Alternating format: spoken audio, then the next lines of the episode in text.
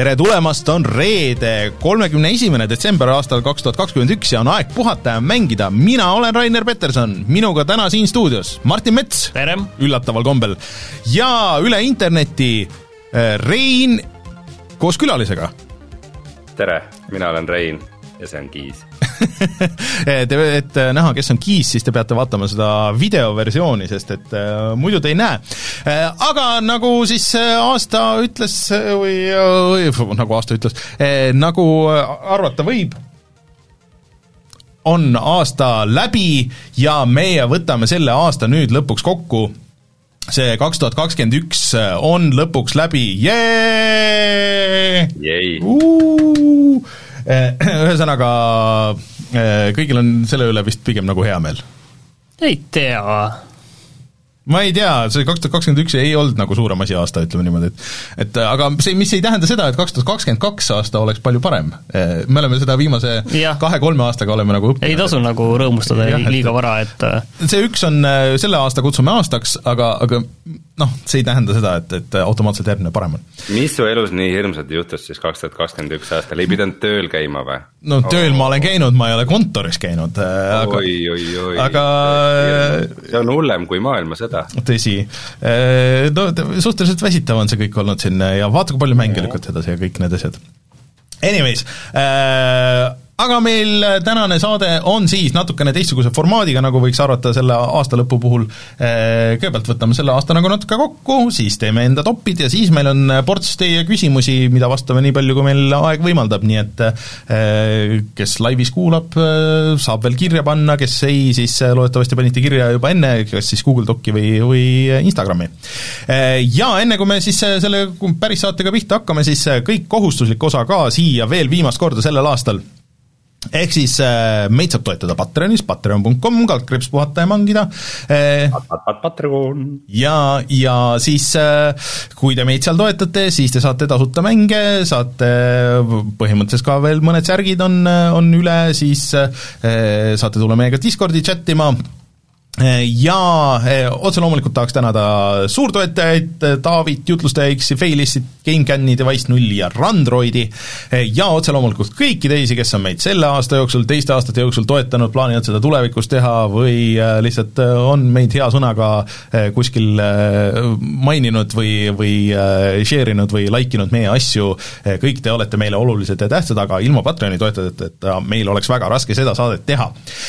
Nii et aitäh kõigile teile ja siis Patreoniga läheme edasi ka järgmine aasta ja loodetavasti enne aasta lõppu veel, võib-olla kui te kuulate seda audioversiooni, ma olen pannud äh, uue portsu äh, neid äh, mänge, tasuta mänge Patreoni üles, kus oli näiteks see Partisans, mis Martinile meeldis, siis Man-Eater, mis mulle väga meeldis, ja veel mingisuguseid huvitavaid asju, nii et hoidke silm peal, kui see läheb üles, siis saate lihtsalt kirjutada ja saate tasuta mänge veel aasta lõppu siia siis äh, veel kohustuslik, et YouTube'is äh, meil on, aasta lõpp läks väga niisuguseks äh, tihedaks, et aga, aga te siiski suutsite teha ühe video sinna, Rein, mis video see oli?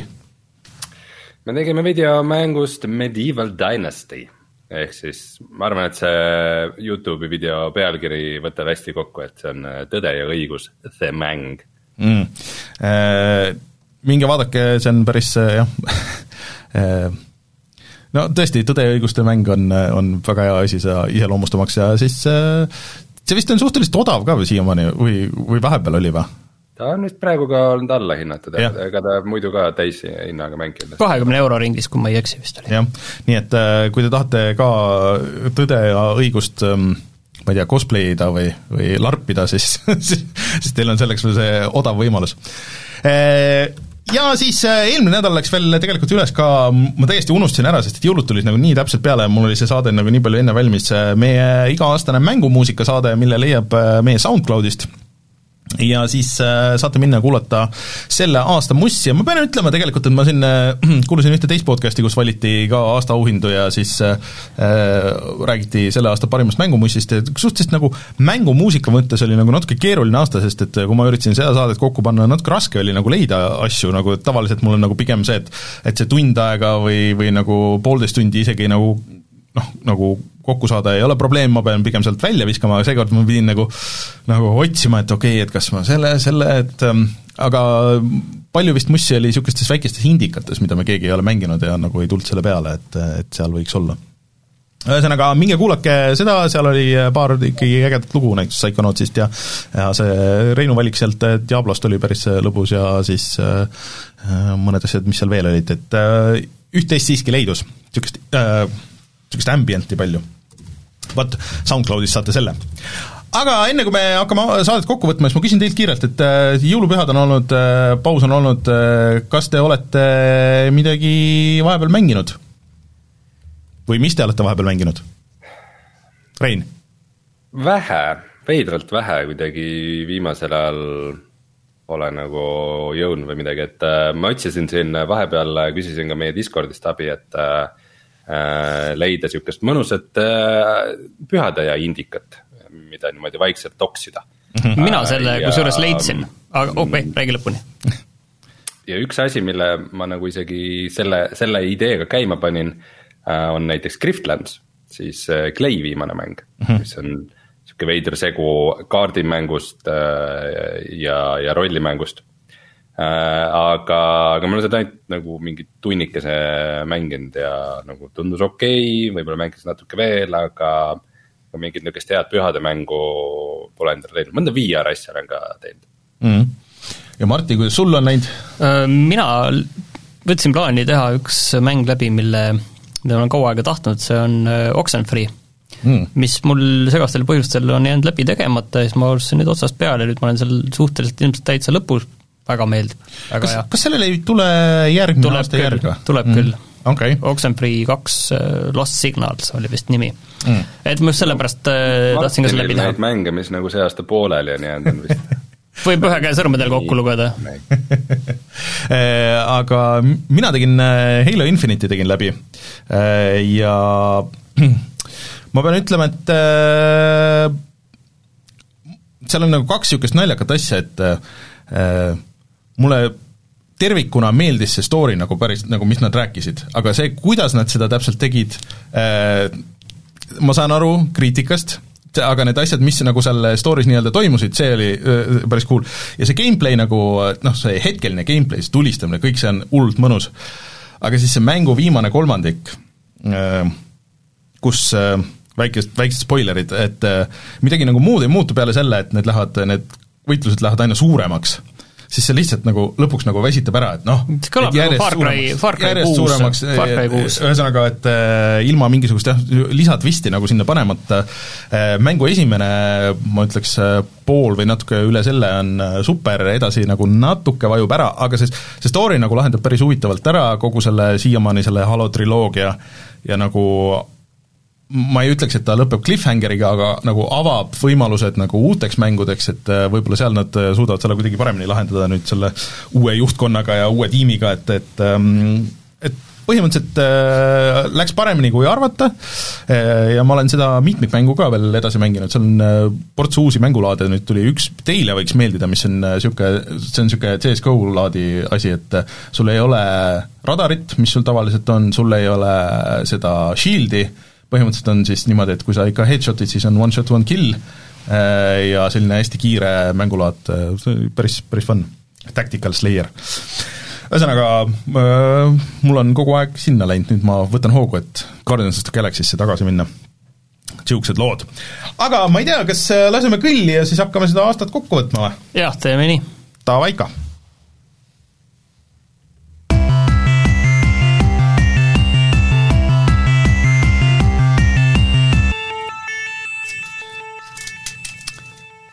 et kuidagi seda aastat nüüd kokku võtta, siis me tegelikult Rainer, kus on pühadekõllid? pühadekõll äh,, ei äh,, see, tulevad äh,, aga äh, ma teen selle siia siiski ära, sest et lõpetame selle, ma ei teadnud, et äh, viimase hetkeni, et äh, kuidas siin situatsioonid on, aga meil on traditsiooniline vahukas ikkagi ja siis see on see, oota, noh. tuled puruks peaaegu. täpselt cover eest. nii, aga mina tahtsin enne rääkida asjalikku juttu, et, et need aastad teemad me oleme jaganud kolmeks ja see on täiesti selline selline teemade jaotus, mis tegelikult võib veel arutamise käigus muutuda. et tegelikult asjad on jagatud kolmeks, et äh, head teemad, neutraalsed teemad või mille puhul me veel ei tea, kuidas see asi laheneb, ning äh, siis head asjad.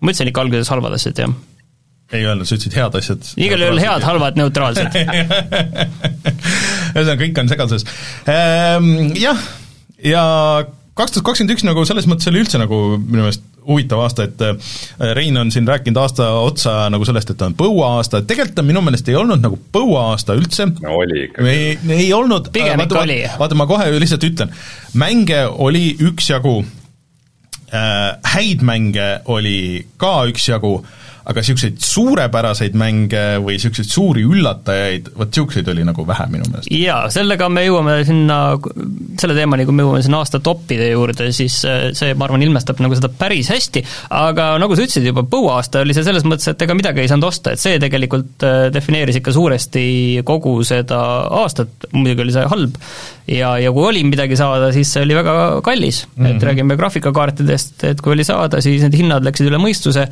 konsoolidega läksin kuskil poole aasta pealt, esimeses pooles tegelikult oli saada päris okeilt ja, ja Xbox Eestis oli saada ka veel täitsa okeilt veel üsna hiljuti, aga no nüüd on ikka asi ikka täiesti ma saan aru, et Sonisse vist nagu vahetult enne jõulu tuli mingi ports, aga noh, need vist no see on see, mis viskad kerisele natukene ja. vett ja see on aurustunud kohe, et no ega Sony ju ise ei andnud ka nagu väga lootust, et järgmine aasta see väga paremaks läheb, ja keegi ei anna väga lootust, et ja. tegelikult äh, esimene poolaasta ilmselt äh, tuleb üsna sarnane, nagu see praegu on.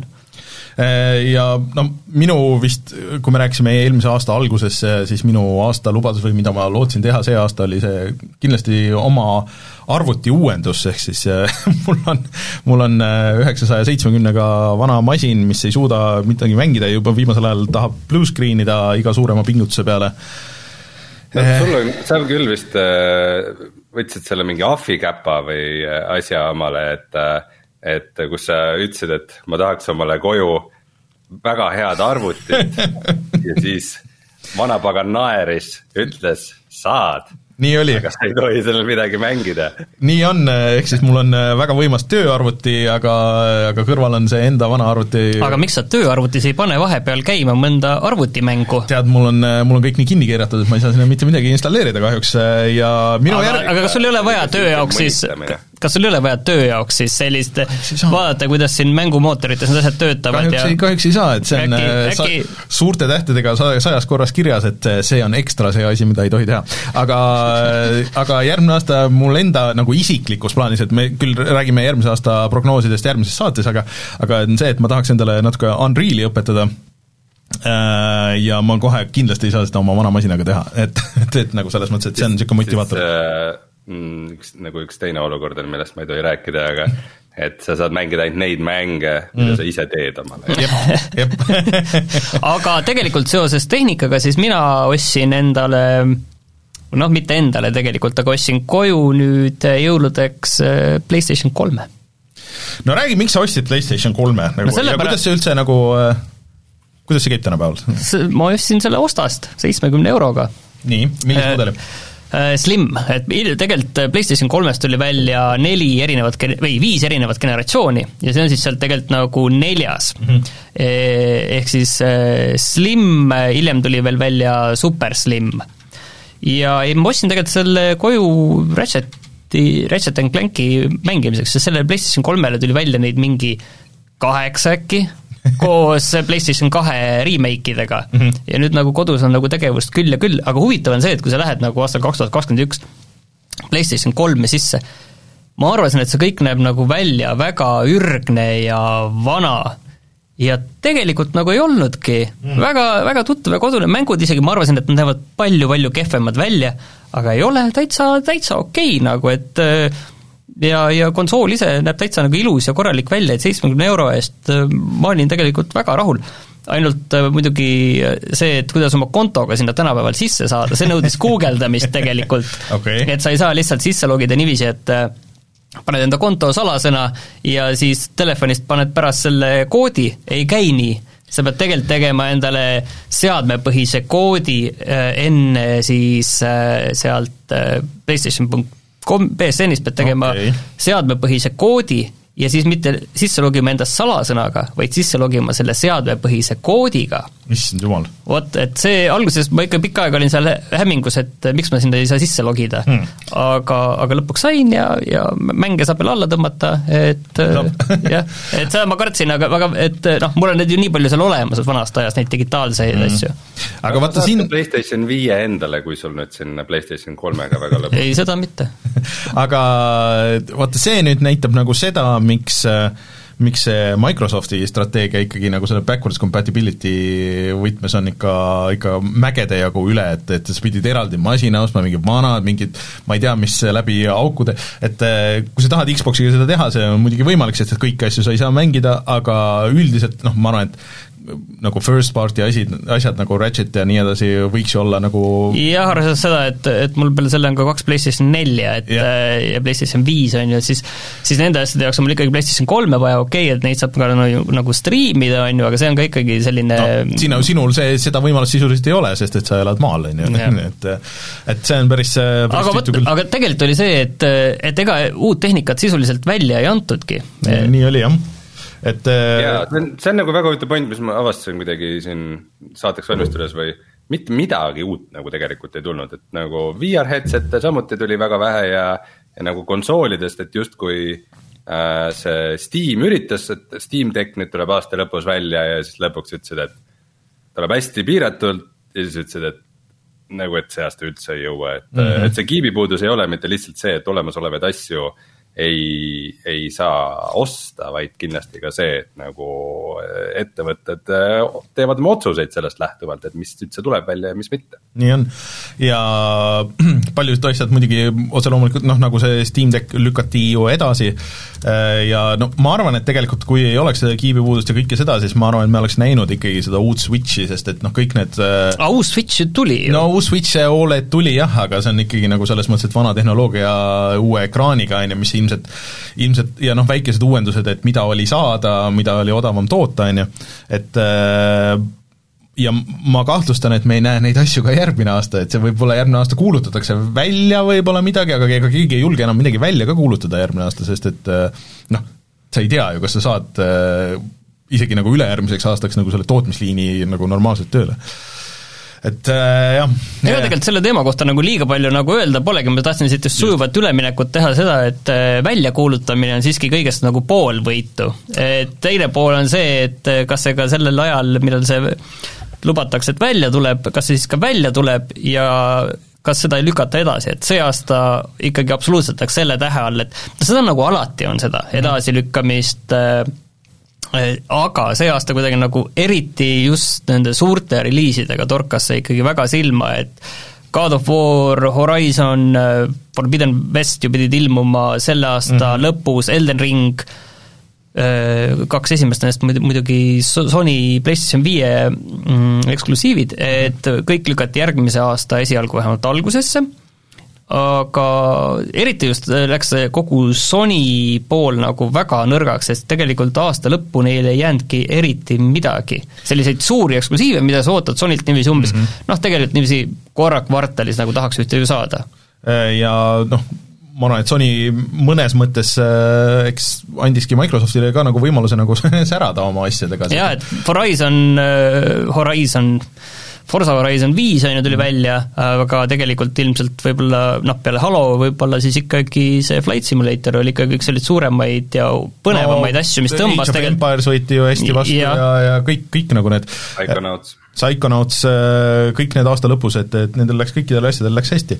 aga ma arvan, et need mängude edasilükkamised on jah, need asjad, millega me peame harjuma ja mis ei no tegelikult me oleme harjunud, aga mulle tundub ka, et äh, sellest aastast alates on äh, mõned nagu need suurtegijad on aru saanud, et okei okay,, et tegelikult see võib-olla ei olegi nagu nii halb asi, kui me midagi välja lükkame, Äh, või noh, nagu edasi lükkame selles suhtes, et kui see ei tuleks nagu nii katkisena välja, kui näiteks Battlefield, äh, kõik need muud asjad, et me ei pea hoidma nui neljaks sellest äh, noh, nagu äh, kuupäevast kinni äh,, kui meil on võimalus ikkagi midagi nagu paremat teha, kui vähegi on võimalik. aga siin on võr-, võrreldes siis eelmise kon-, konsooli generatsiooniga on selline veider erinevus, et kui eelmine kord äh, PlayStation neli läks äh, võistlust juhtima, siis nad, neil oli ka hea valik äh, eksklusiive, siis see aasta on, seekord on vastupidi. tegelikult PlayStation viis juhib müügis selgelt mm, -hmm aga samas veidral kombel neil ei ole nagu neid mänge, et siin on selline veider no, aasta paradoks. alguse poole oli, et võimalik, et me ei ole nüüd näinud seda, mis see nagu aasta lõpus toimub, nagu tegelikult mm -hmm. põhjustas. või inimestel juba seostub äh, Playstation viis nii palju rohkem nagu heade mängude ja hea kvaliteediga, et äh, Microsoft on äh, lahingu kaotanud ükskõik kui palju nad häid mänge. no ei tea, mulle, ma, Microsoft mängib seda pikka mängu, nagu mulle tundub, et, et nad on suhteliselt rahul, et vaata, neil on ka iga aasta on olnud ikkagi noh, et see on nende jaoks olnud väga edukas launch, need müügid on olnud head, Gamepassil läheb hästi, et, et selles mõttes, et kui sa paned jah, võrdlusesse, siis Sonyl läheb veel paremini, aga selles mõttes, et Microsoftil nagu enda jaoks on läinud väga hästi. No e, jah, kui nüüd sa hakkad selle ühe sügisese asja pealt nagu üldistama, aga see, see olukord, mis meil praegu on, et Microsoftil tuli nagu ühe Äh, sügisperioodi või siukse nagu noh, mängude jaoks kõige mm. tähtsama perioodi jooksul välja nii palju edukaid ja hästi vastu võetud mänge, millal see viimati juhtus?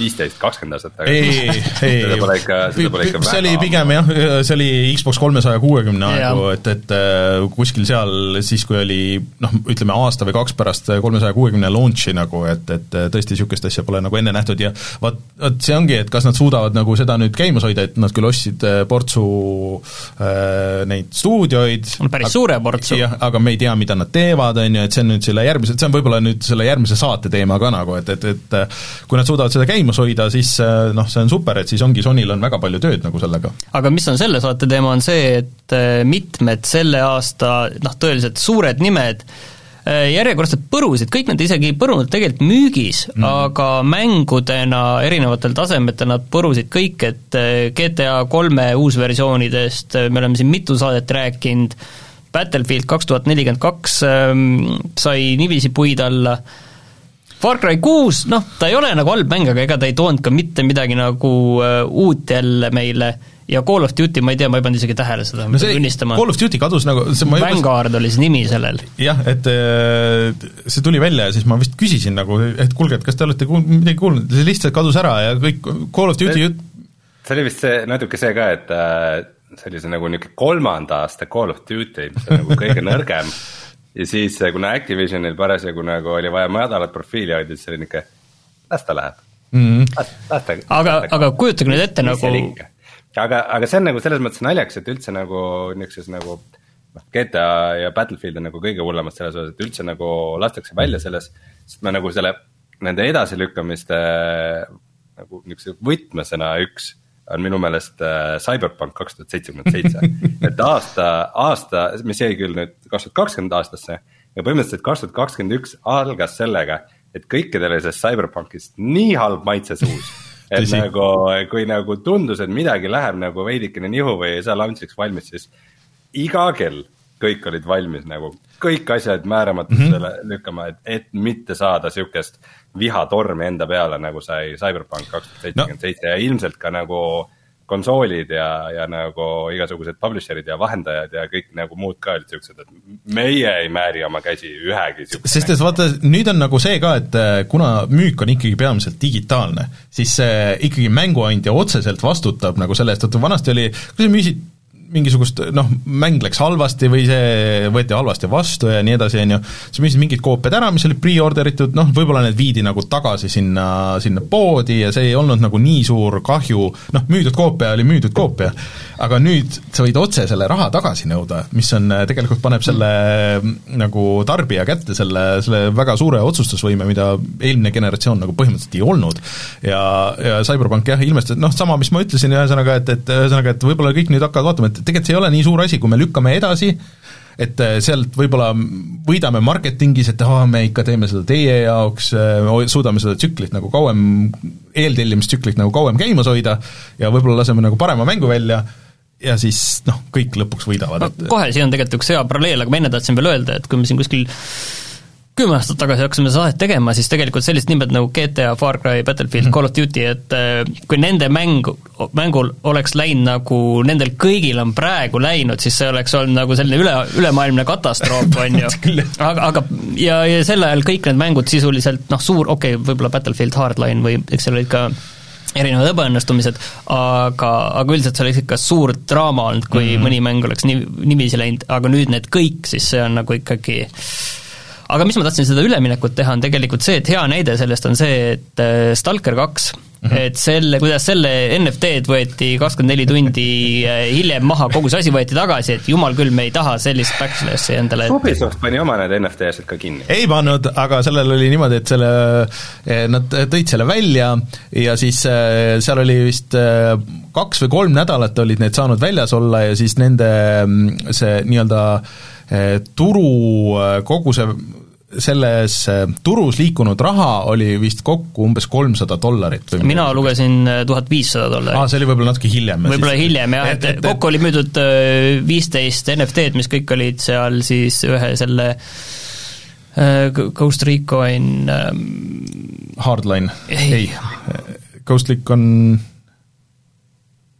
ühesõnaga. point, okei okay. selle mingid relva, ühe relva skin'id tegelikult, lihtsalt number oli erinev. Ühesõnaga, see NFT teema kahjuks on nagu see, et me näeme seda järgmine aasta veel. me näeme seda väga palju äh,. Aga vaadates seda, kui palju halba pressi nad said, kui, kuidas reageeris tõesti Stalker äh,, kui palju on sellest räägitud, et kui mit-, see on nagu sobiv mängudesse ainult teoorias, mitte praktikas, äh, NFT-d jätkuvalt on niisugune asi, need, mis ei lahenda ühtegi probleemi, nad ei tee ühtegi mängu lõbusamaks, paremini mängitavaks, eh, nad lisavad sinna lihtsalt mingisuguse layer'i, kus on mingitel aferistidel võimalik raha teenida. Eh, ja nagu, et ma olen läinud sellesse väga sügavuti, sest et kes on seda saadet palju kuulanud, teavad, et ma lähen sügavuti kahte asja, asjad, mis mulle väga meeldivad või asjad, mis mulle absoluutselt ei meeldi. ja kõik, mis ma saan lugeda NFT-de kohta, ma loen nagu ja mida rohkem ma loen neid, seda äh, arusaamatuks mulle, arusaamatumaks mulle nagu muutub see, kui keegi räägib, et oh, ma olen nagu nii into selles tehnoloogias nagu, et äh, kui sa just ei tunnista endale, et tõesti, et ma lihtsalt tahan nii palju olla nagu nii vara sees kui võimalik, et võimalikult palju raha teenida teistelt samasugustelt lollidelt. sellega seoses just äh, paar päeva tagasi Eesti firma, kes on mitu pivotit teinud, Wolf 3D kaasas kolmteist miljonit Äh, dollarit, äh, millega siis nad tahavad teha mm, avatare metaverse'i ja, ja oot-oot-oot-oot, ja, ja muidugi siis seal äh, see kõik võiks nii olla, neid avatare erinevatel, nii et need avatarid oleksid siis erinevate mängude ja sotsiaalsete keskkondade ülesed, on ju. no sisuliselt see kõlab nagu midagi uut, on ju, sisuliselt noh, sa oled Nintendo seal, mis see on see, mitte Miibo, vaid see no neil olid jah, Miiverse oli see Mi,. Miiverse on ju põhimõtteliselt sama või siis kas või seesama Äh,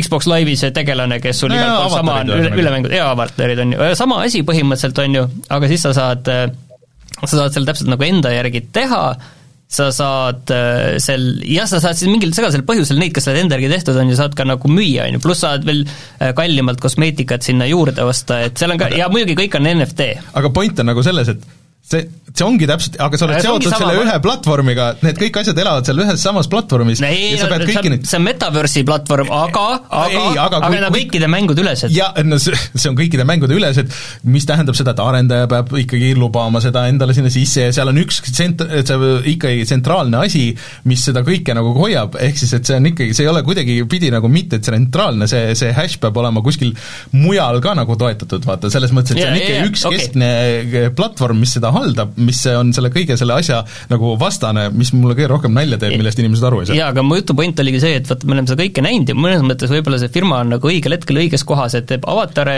mingisse, mingile platvormile, kus neid saab paljudes kohtades kasutada, on ju, aga miks sinna veel see NFT on sisse pandud, et see jääb natukene segaseks, aga ma saan aru, et kui seda ei oleks, siis oleksid nad saanud võib-olla ühe miljoni ei tea jah, ühesõnaga te... suutsid ennast mingite õigete asjade külge panna, aga hiljuti oli üks uudis, mida me suurt meelega justkui ei kavastanud, ei kajastanud, oli see, et üks Eesti mängufirma, isegi ei mäleta selle mängu nime, äh, kaasas kolm miljonit äh, sellega, et nad teevad mingit NFT mängu. et kus, et äh, kõigepealt on, tähendab, oli see NFT või oli lihtsalt krüptoostud? mingi krüptoostud oli. aga selline, et jaa, et et see, sealt saab asju osta ja siis küll see mäng ka tuleb kunagi. Vot see on nagu, kuidas kõik need lahene, lähenevad sellele. ja, ja mängu ainsaks platvormiks on Steam. et nagu, kas need vaesed inimesed, kas need vaesed investorid, kes sinna investeerisid, kas neil on üldse nagu õrna aimu ka, et Steam tegelikult ei luba neid? Et kogu teie nagu finantsmudel on algusest peale nagu põhimõtteliselt äh.... olematu jaa, selles mõttes on naljakas ka, et mis jutuga nagu investoritelt raha kaasati ja sellel mängul, mille nime ma kahjuks praegu ei mäleta, selle mängu äh, Steam'i leheküljel ei ole blockchain'i ja NFT-de kohta mitte sõnagi, aga küll, küll oli aga see jutt äh, investoritele saadetud äh, või investor, ka pressiteates, mis tegelikult meile tuli. me lugesime ja naersime seda, ühesõnaga me peame selle, et see on niisuguse äh, ma, ma kiidan neid investoreid, on ju, et teinekord, kui selline mõte tuleb, siis tulge kas või küsige meie käest. et aga no selle ikkagi Ready Player Me ja Wolf 3D kaitseks, et nagu minu teada nende nagu nii-öelda nad on päris kaua aega juba tööd teinud selle kallal, et äh, algas asi sellest, et sa said äh, ennast skännida telefoniga avatariks äh, mängudesse ja siis siis, et sa said enda pildist teha nagu 3D avatari mm -hmm. ja seda vist juba päris mitmed mängud toetavad ka, et see. Neil olid mingid putkad isegi ju. ainult mingisugune NFT haibiga nagu lendamine. jaa, ma tean, et nende need pivotid, mida on teinud mitu-mitu tükki, et need on legendaarsed mm.. aga ühesõnaga, et me peame selle, selle kahjuks nagu läbi elama, et see on niisugune see lootbox'i hullus nagu, mis äh, varem või hiljem sureb ära, et et lihtsalt minul isegi nagu probleem ei ole see, et NFT-d on väga nagu keskkonnakahjulikud, isegi kui see oleks täiesti nagu nullkulu nagu see, siis need ei tee ühtegi mängu nagu tegelikult paremaks, välja arvatud nendele inimestele, kes ei ole kunagi ühte mäng, ühtegi mängu mänginud ja vaatavad, aga miks nad ei taha raha teenida. ja sellepärast kõik need metaverse'id ja kõik need asjad nagu Vaat, nii niisugused see on, see on see klassika, et see on see klassika, et vaata, Fortnite'is müüakse aastas ja, ja. X miljoni, ei, miljardi euro eest kosmeetikat, on ju, see on meie turg, et me peame, me teeme midagi sarnast asja, on ju, ja siis me saame ka kas või sealt kümnendiku saaks, oleks täitsa okei okay taskuraha. et sellise jutuga nagu müüa on kindlasti väga lihtne, aga et tegelikult äh, Fortnite on ainult üks. võib-olla tuleb üks hetk järgmine Fortnite, aga no, siis on seda ainult tuleb, üks jah ja siis pärast seda tuleb ja see on ainult üks mm -hmm. ja see, et sa nagu Fortnite on tegelikult päris mitu, PUBG ja Warzone ja neil asjadel läheb siiamaani ikkagi väga ja, ja no ma mõtlengi, et aga tege-, mis mu mõte on see, et aga, et aga väga vähesed, vähe aga sa ei tee Eestis kuskil äh, kahe mehega uut Fortnite'i või Warzone'i nagu ei no aga vaata Among Us'i ei, kõik on, nagu, kõik on võimalik muidugi. arvamust üldiselt selle teema kohta väga jõuliselt äh, avaldanud ja ma ei ole ka väga sügavuti sinna sisse läinud, aga mul on kogu aeg tunne olnud, et nagu need Äh, kõik need blockchain'i tehnoloogiad, et neil on kindlasti mingisugune nagu oma koht või nad võiks kuidagi nagu mingeid, mingeid probleeme lahendada. aga see, kuhu nad on nagu suunatud ja see inimesed, kes, kes sellega tegelevad on, on väga, väga vales suunas sageli, et ja, ja ärge jälle kirjutage mulle iga kord, kui me räägime sellest, siis inimesed kirjutavad mulle, et lihtsalt, ma lihtsalt ignoreerin neid ma ei vasta teile. niiviisi sa ei saa diskussiooni Kus, pidada. kuskil oli see hea kokkuvõte, et vaat kui USA-s või kindlasti ka Eestis on need mingisugused püramiidskeemid, mida, millega naised kaasa lähevad sageli, et yeah. sa müüd mingit kosmeetikat mm -hmm. teistele edasi ja sa justkui raha ei teeni, et raha hakkad alles hiljem teenima et siis põhimõtteliselt blockchain on nagu seesama asi, aga meestele. Neid on äh, väga, et ei, ei, et meil ei ole püramiid, et meil on niisugune kolmnurk, et kus nagu need, kes kõigepealt sa oled siin all Neid on väga palju, neid niisuguseid asju, et ühesõnaga, kui te olete selles sees teadlikult, et, et, et okei okay,, et mul on mingi vaba raha ja ma tahan sellest koor-, sellega koorida jah, teistelt nii palju kui võimalik, no kui teil südametunnistus lubab, andke minna, kui te arvate, et see on, et, et see on päriselt äh, mingisugune maailma muutev asi, siis äh, istuge korraks maha ja mõelge elu üle järgi korra. nii, aga me jõudsime nüüd halvalt territooriumilt neutraalsele territooriumile ja ma ei ole nagu lõpuni kindel, kas see, kas see on nagu kõik õige mis me siia oleme pannud, aga, aga ma tahtsingi alustuseks nagu rääkida Metaverse'ist ja ja kogu sellest äh, olukorrast, kuhu VR on jõudnud, et kui ma nagu kõrvalt vaatan, Rein, siis äh, VR kogu aeg on ju aina paremaks, paremaks läheb, aga samas ta on ikkagi sellises miks sa pead metaver-, VR-ist rääkima ainult metaversi võtmes? oot-oot-oot, et äh, et see VR on kogu aeg sellises stand-by sellises asendis, et kohe on valmis nagu hüppama, aga, aga selle hüppekohani pole ikka veel jõutud ja, ja see on olnud vist niiviisi võib-olla viies meie viimases äh, aastalõpu saates, kus me oleme selle üle arutanud ja siis on ka üks tunne, et kohe nüüd, nüüd, nüüd see hüpe tuleb. kas sa tahad rääkida metaversumist või VR-ist, vali üks, ma ei, ma ei saa mõlemast korraga rääkida. miks ei saa, miks ei saa, räägi, miks ei saa mõlemast? No esiteks metaversumit pole veel olemaski, et äh, see on mingisugune, mingisugune väga hägune mõte ja haivisõna, mis, äh, mis ühel päeval võib juhtuda millekski, eriti kuna Facebook paneb sinna pidevalt miljardeid sisse. aga, aga VR ja selle arengud on ikkagi noh, natukene, natukene teine teema, et võib-olla siin ongi see nagu Facebook suure ettevõttena teeb neid samu vigu, mis, mis need nagu investorid Eestis, et nad äh, ajavad nagu kaks asja numbrite baasil sassi, et üks asi on nagu mänguturg ja mängijate huvi VR-i vastu ja teine asi on see, et äh, kõik maailma suhtlus ja, ja mängud ja töö ja kool ja kaubamajad ja kõik sellised asjad äh, koliks nagu täielikult äh, VR-i, et need on ikkagi kaks nagu täitsa eri asja Äh, aga jah, õnneks on teil siin äh, Eesti põhiline metaversumi spetsialist sellest rääkimas, ma olen käinud metaversumist rääkimas nüüd äh, siis Terevisioonis, laseris äh,, digis oli minust äh, kaks suurt pilti äh,, üllatusega avastasin. Ühel oli kass õlal, teisel ei olnud äh,, siis äh, Geeniusele, seal oli ka enam-vähem sama lugu ja siis jah, et olen, olen ennast miskipärast suutnud positsioneerida sihukeseks metaversumi eksperdiks, aga noh, tegelikult ma olen ikkagi VR-i ekspert, et metaversum. võib-olla ta tuleb, küll ta, ma ei tea, midagi tuleb, võib-olla sellest tuleb midagi muud, aga ma arvan, et. nagu kaks tuhat kakskümmend üks aastal mingis mängude kontekstis pole nagu metaversumist midagi rääkida. VR-is seevastu, kui sa tahad, ma võtaksin VR-i aasta kokku, siis ähm, sarnaselt äh, muu mänguaastaga äh, oli äh, mängude võtmes ka kaks tuhat kakskümmend üks päris äh, kehva aasta. Et kui võib öelda, et äh, üks vägevamaid kaks tuhat kakskümmend üks aasta äh, VR-mäng oli Resident Evil nelja VR versioon, siis äh, noh, kui, kui, kui nagu parim VR-mäng on mingi, kui vana nüüd Resident Evil neli on mingi? kakskümmend aastat. palju? kakskümmend sai vist ju, ei saanud. kakskümmend või? no et kui nii vana mängu uus versioon on nagu põhiline VR-mäng, siis, äh, siis ei ole midagi hõisata, et äh, uusi peaseadmeid tuli ka vähe ja mõttetuid pigem. aga selle kõige varjus, ähm, mis võib-olla ei hakka silma inimesele, kes ei jälgi väga palju VR-i ja ilmselt oli tegelikult äh, siiamaani parim VR aasta. Et äh, Oculus Quest ehk siis Meta Quest kaks Äh, on väga populaarne, nad pole numbreid avalikustanud, aga ma olen võrdlemisi kindel, et praeguseks on äh, Oculus Quest kaks äh, kõigi aegade kõige edukam VR peaseade. Et nüüd jõulude ajal nad tegid veel nagu väga kõva push'i, et ei imestaks, kui seda on praeguseks müüdud juba kümme miljonit. Hmm.. et ähm, ja seda on ka pidevalt uuendatud ja äh, nagu tarkvara uuendustega, ta läheb nagu kogu aeg paremaks.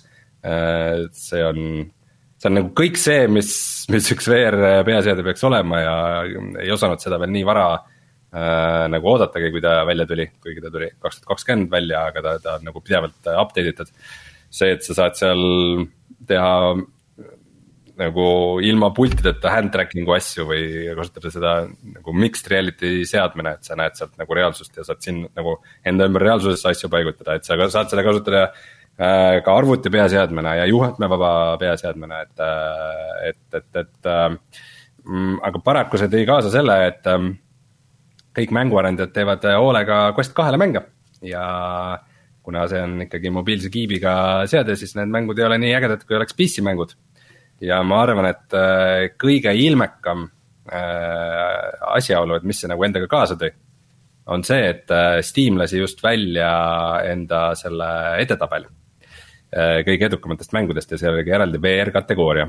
ja see nüüd väärib nagu eraldi uudist või väljatoomist, et äh, Eesti oma mäng äh, Creative Mobile'i Into the Radius on seal siis kõige kõrgemas kategoorias, platinumi kategoorias, et tegu on siis nüüd mänguga, mis on üks kõige rohkem Steamis raha teeninud mäng ja mis on nagu teine uudis sinna otsa, mis kuskilt Upload VR nagu võrdlusest välja tõi. on see, et Into the Radius on ainus VR-mäng seal Platinumi seltskonnas, mis ei olnud seal ka eelmine aasta hmm. ja, ja ka Into the Radius ei ole selle aasta mäng, see on kaks tuhat kakskümmend aasta mäng. ta oli early access'is varem, kaks tuhat kakskümmend jaanipäeva paiku tuli ta välja. ehk siis VR turul Steamis domineerivad kõik ainult vanad mängud, see aasta mm. ei tulnud nagu ühtegi nii suurt uut tulijat. et see oleks suutnud sinna murda, et see on nagu täiesti, täiesti nagu vaba turg äh, ja üle, üle kolmandiku mm, äh, Steam'i kasutajatest, äh, kes on VR-is, kasutavad Oculus Quest kahte nagu PC peaseadme mm.. et ähm, see on nagu PC VR-i turg on täiesti unustusse vajunud, et ma ütleks küll, et me oleme siin mingisuguse huvitava hüppe lävel. Ehm, et mina loodan väga palju Playstation viiele tulevast siis äh, sellest Sony BSVR kahest, mis see aasta ka ametlikult välja kuulutati, et see kunagi tuleb. kuigi me ei tea isegi selle nime. aga, aga ma arvan, et VR turul jah, lähevad asjad äh, aina paremaks ja nüüd äh, midagi hakkab juhtuma vaatame siis järgmine aasta samal ajal, et mis, mis, mis siis, mis siis muutunud on, kuna, kuna ilmselt on eriti lähedal see asi. kuna järgmine aasta paistab tulema nagu väga sarnane selle aastaga, siis eh, noh, aga mine tea, mine tea. nii, aga üks asi veel, mille mina panin tegelikult neutraalse alla nüüd tõstsin, sest Rein pakkus, et seda võiks teha, siis ma arvan, et tegelikult tal on õigus, on eh, Steam Deck. et eh, kuulutati välja, lõpuks ometi asi, millest on nagu tunne, et kümme aastat on nagu räägitud, et võiks mm -hmm. olla selline äh, mobiilne Steam'i arvutikonsool, mida saad käes hoida ja millegagi ringi käia, nüüd see kuulutati välja, aga ega tegelikult eh, praegu ei saa ju seisukohta veel võtta, et kas see on hea või halb no, või kus ta on? kõik preview'd äh, on pigem nagu kiit-, sest et noh, kuigi see nagu päriselt välja ei tulnud, siis need äh, review mudelid äh, ja noh, tegelikult oli mitu niisugust üritust ka, et kuhu kutsuti inimesi, kes said nagu päriselt USA-sse minna ja niimoodi ja, ja käidi vaatamas ja et, et kõik ütlesid, et see on üllatavalt mugav, üllatavalt raske, äh, aga et äh, mängud, mis isegi nagu otseselt ei ole mõeld-, mõeldud nagu selle jaoks, ikkagi nagu jooksid hästi, äh, see on ju Linuxi platvorm, ühesõnaga, et seal on mingisugune põhimõtteliselt mingi vahelayer siis, mis teeb need Windowsi mängud söödavaks sellele, Proton vist oli selle nimi, mille arendus ka käib paralleelselt, et seda tegelikult ei pea ainult noh, see, ühesõnaga see mõjub hästi ka kogu Linuxi kasutajate siis grupile, keda ma ei tea, vist on mingisugune ports, aga, aga nüüd siis äh, loodetavasti rohkem, et äh, ja see riistvara tundub nagu iseenesest hea.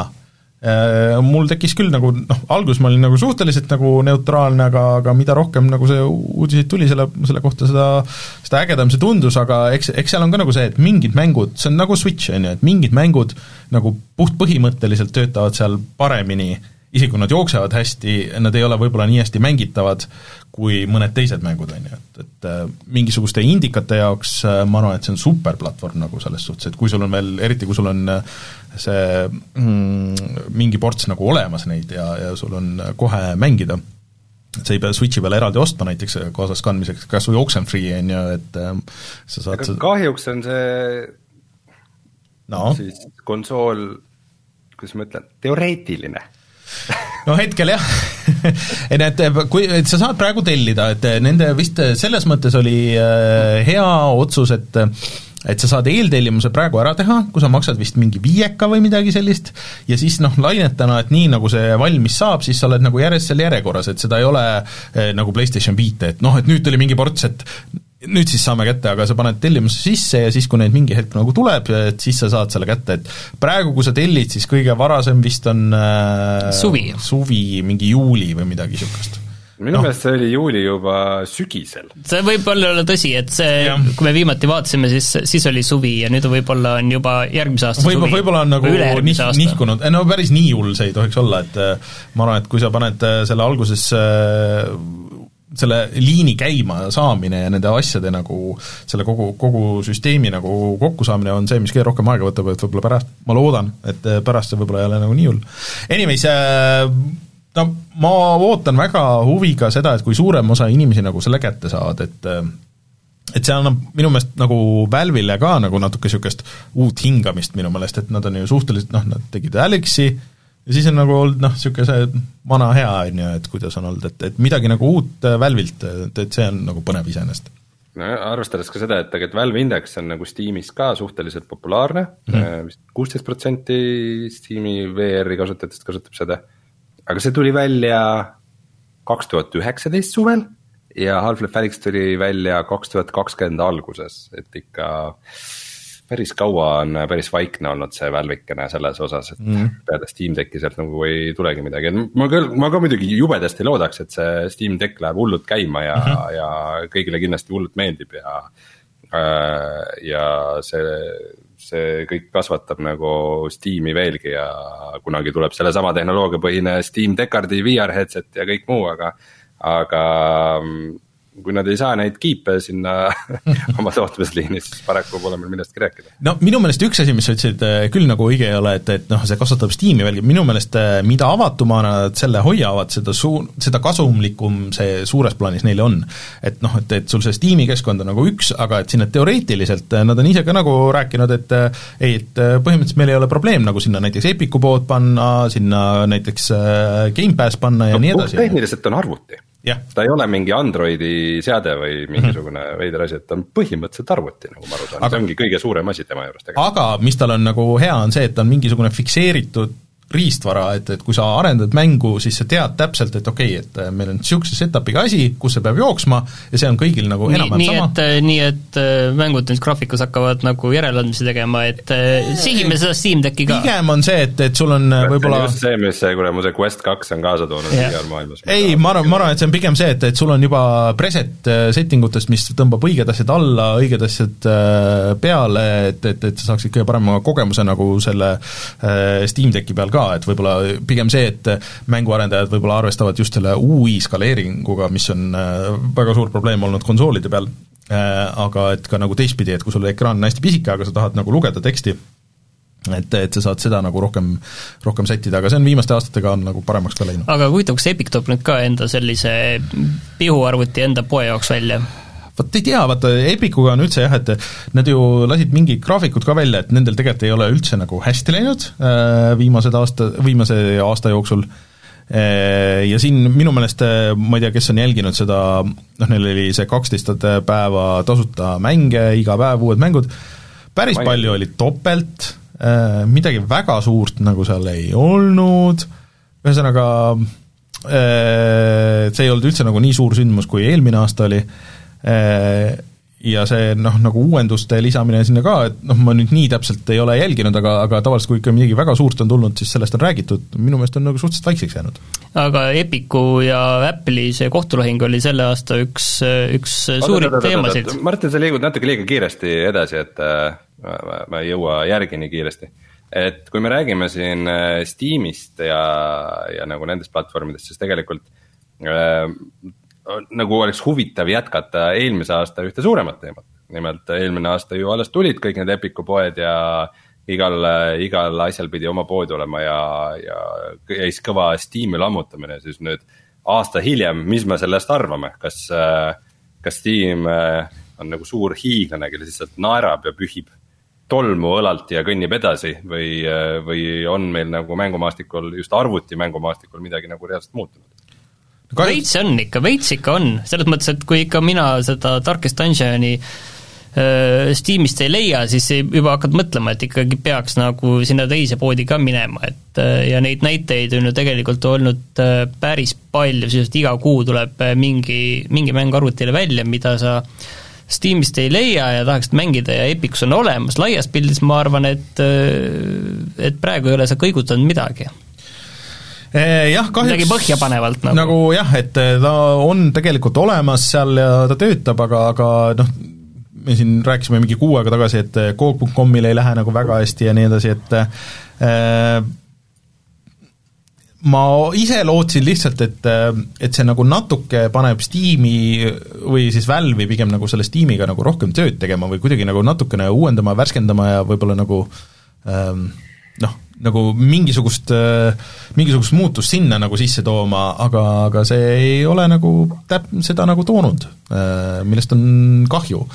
ma muidugi ja ei saa tiimi kasutajaskond teeb pidevalt rekordeid ja, ja ainult kasvab ja siis EA ja Microsofti mängud lähevad sinna ka lisaks nagu mm -hmm. platvormidele, et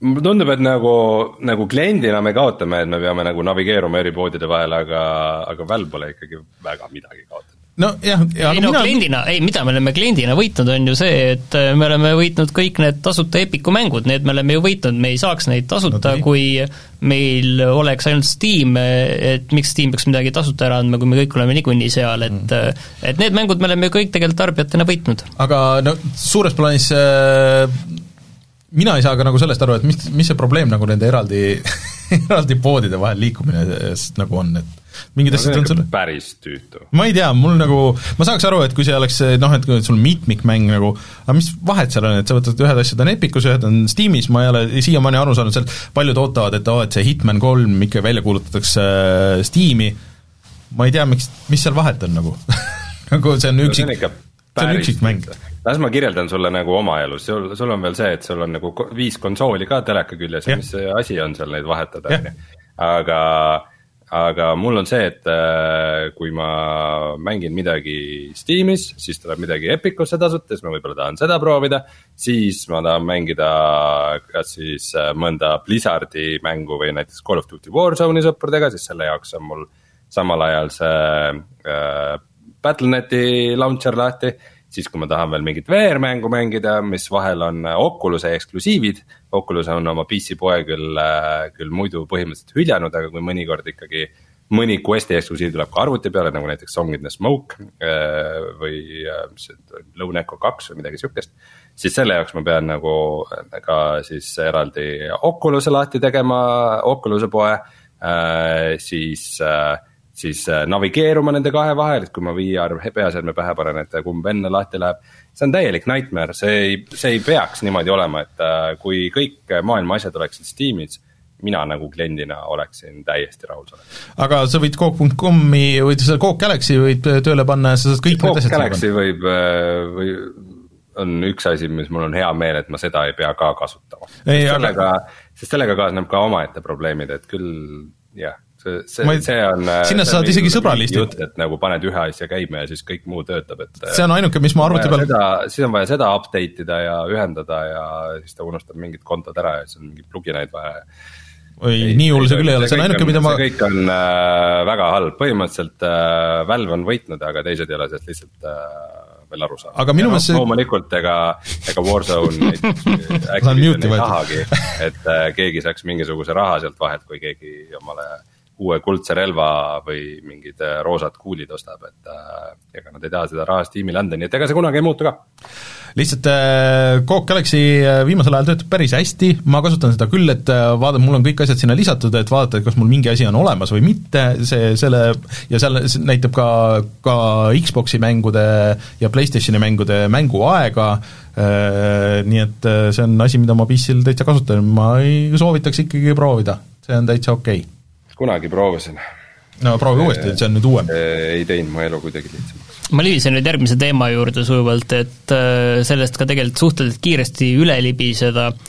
Äh, see on siis see Epicu ja Apple'i kohtulahing, mille Epic mängis avalikkuse jaoks välja niiviisi, et nad äh, tahavad inimesi päästa kurjade suurkorporatsioonide suurtest vahelt, vahelt Eh, vahetasudest siis mm. -hmm. ja, ja see asi praegu muidugi kestab kõik edasi, e, kaevatakse edasi, asi jookseb, aga üldiselt kuhu see siis nagu välja jõudis, lihtsalt öeldes on see, et eh, kohtus öeldi, et eh,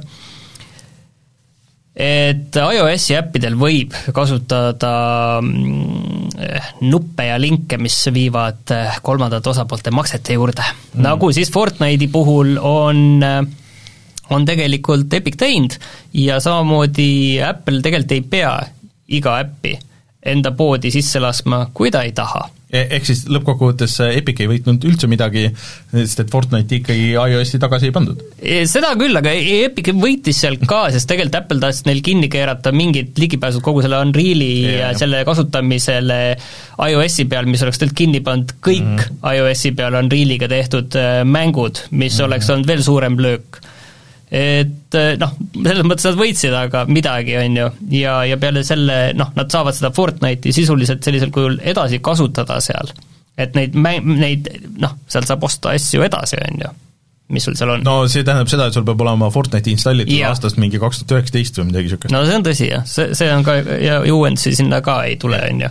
ja kuskilt vahepeal käis läbi ka uudis, et, et hoolimata oma ükskõiksusest mängude suhtes on Apple maailma kõige enim teeniv mängude vahendaja. ja kusjuures see, see on nagu ka veider asi, et minu meelest need NFT-d nagu natuke, tuleme sinna tagasi, et meenutavad seda, kuidas mõned aastad tagasi oli see, et ei, mängude tulevik on mobiil ja varsti ei ole mingit konsoole, sul ei ole arvutis, kõik mängud on mobiilis, sest et kõigil on mobiil ja kõik kasutavad mobiile ei ole juhtunud äh, viimase kümne-viieteist aastaga nagu selles mõttes, et no äh, mobiilimängude turu kasvu mõttes see ei, on tõsi, aga et, et see on mis on nagu lihtsalt äh, huvitaval kombel juhtunud, mida tegelikult väga paljud ka nagu suured mängukorporatsioonid ei oodanud, on see, et see on kõik juhtunud konsoolidele ja arvutitele lisaks. jah. Et, et see, et kõik suured on ju proovinud teha oma mobiilimänge ja kõik see, Nintendo ju proovis siin suure hurraaga mitu asja teha, ja peale Pokemoni ja kusjuures nüüd vist see Pikmin Code äh, ka päris paljud ikkagi kiidavad, äh, pole nagu käima läinud ükski asi ma tahtsin öelda selle Epicu Apple'i kohta, et põhimõtteliselt siis eh, miks jäi ka neutraalse alla, on siis see, et ega me nagu tarbijatena sealt ei võitnud, ei kaotanud, et kõik jäid sisuliselt enam-vähem nii, nagu, nagu see on. just. aga meil jäi tegelikult halbadest asjadest üks eh, põhiteema, mis andis väga palju värvi kõikidele selle aasta asjadele, jäi välja, et eh, me kõik teadsime seda, aga see on nüüd väga ilmekalt välja tulnud, et kõik suured mängufirmad ja mängutootjad on ikka parajad värdjad et no see, no see on ka nüüd kindlasti nagu liialdus tegelikult no sa, suurem osa. sa räägid, äh, viitad kõigile nendele ahistamisjuhtumitele, mis on äh, suur no, suure, suurtest äh, arendajate juurest välja tulnud, on ju, et ega nüüd ei saa ka nüüd niiviisi üldistada ja lüüa no, nüüd sellise niimoodi, lauaga. et ahistamise juhtumid on, see on üks asi, aga lihtsalt, et seoses nagu nende asjadega on tulnud välja kõikide nende suurfirmade, et noh, Activision, Ubisoft, Blizzard, siis vähemal määral ka seal teised ja väiksemad nagu äh, lihtsalt nagu see siseelu, sest et äh, siiamaani on nagu, vaata mängufirmad on nagu niisugused suured kinnised kastid, on ju, kus tehakse no erafirmad no, tihtipeale on, jah. jah, et äh, inimesed lähevad sisse ja siis tulevad väga masendununa sealt välja ja vahepeal on mingid tooted tulnud, on ju, ja sa ei tea ja ei tohi rääkida, mis seal nagu juhtub. et, et selle aasta jooksul kõikide nende kohtuasjadega, kõikide nendega on tulnud välja väga palju seda, et mis, see sisekliima seal tegelikult on, mis suures mängufirmas töötamine tegelikult võib tähendada, on ju, äh, kui raske see on ja kui palju nagu inimesi ära kasutatakse, nii siis seksuaalses võtmes kui ka lihtsalt nagu selles, et noh, võetakse noor naiivne inimene otse koolist nagu sisse ja siis äh, kes on nõus tegema entusiasmi pealt hästi palju tööd vähese raha eest ja siis, kui ta enam ei jaksa, siis äh, ma ei tea, tšau, on ju, et sa ei pea siin töötama, kui sa ei taha. Ja see on nagu natuke rohkem avanud seda ja loodetavasti kõik need, et kahju, et see nagu niimoodi, siia pidi jõudma, on ju, kõik see, et loodetavasti see muudab nagu nende mängufirmade kultuuri nagu natuke paremaks, sest USA-s see on viinud selleni, et hakatakse looma ametiühinguid, mis võivad muuta väga palju seda, kuidas üks stuudio töötab, noh, töötaja jaoks äh, väga palju paremas suunas, sest USA-s nagu need töötajakaitsed on äh, riigi poolt väga nõrgad, eriti sõltuvalt osariigist, äh, ja nagu noh, selles mõttes, et Activisioni asjad pole veel lahendust saanud, et Bobby Kotick on, tal on ikka veel töö olemas homme ilmselt või pärast pühi, eks, aga, aga ma arvan, et äh, see võib muuta äh, mängude tegemist, võib muuta seda protsessi, sest mängud, anyways on suuremad, raskem teha, võib muuta veel kallimaks, sest et see noh, ikkagi tööjõutasud tõusevad selles kõiges, aga, aga võib-olla nagu see toob parema tulemuse see on nagu see ideaalne lahendus, aga noh, seda me nagu ei tea, aga see, see aasta minu meelest nagu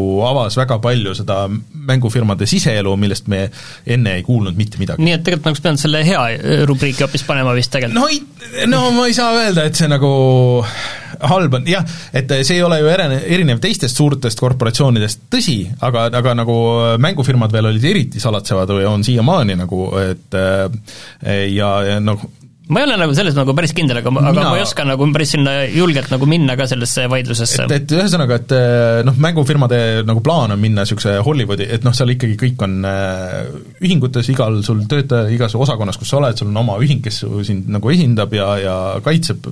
paneb sulle palgakäpi ka peale ja ei, käppi ei pane mm., seal on pigem on miinimum ja siin oligi hästi palju probleeme, et tegelikult äh, efektistuudio töötajad ei käi ühegi sinna alla ja sellepärast neil läkski nii halvasti igal pool, ühesõnaga et äh, aga see on pikem teema, millesse meie ei ole eksperdid, USA siis peaks jah, USA tööjõuseadusi teadma ja nii edasi, aga aga pigem nagu liikumine võib-olla on nagu ähm, ikkagi nagu parema tulemuse poole loodetavasti sest et äh, vaata, nad ei saa ka viia tootmist äh, Euroopasse, sest et siin on, siin on parem kaitse, on ju, veel üldiselt äh, suures plaanis. noh, saaks viia Aasiasse, aga ma ei tea, kas sa julged panna kõik oma munad Hiina stuudiosse kuskile kuidagi, et, et see on nagu natuke kahtlane nii, aga lähme seade asjadega edasi, et äh, mina panin siia kirja siis selle, et äh, millest me tegelikult rääkisime ka eelmine aasta, aga nüüd see aasta on see veel rohkem äh, selgem, et äh, PlayStationi mängud tulevad arvutile. Ja mitte ainult PlayStationi ilmunud äh, eksklusiivmängud, vaid siis ka väga selgelt Sony enda stuudiote tehtud mängud, nagu see aasta tuli Days Gone ja ja nüüd kohe tuleb, jaanuaris tuleb God of War ja äh, Uncharted. ja Uncharted, et, et need on kõik Sony enda stuudiote mängud, et varem siin tulid ju välja need Death Strandingud, Quantic Dreami mängud ja, ja vist midagi oli ka Sony enda asjadelt, aga nüüd me oleme ikka läinud sinna, et kus on Horizon on?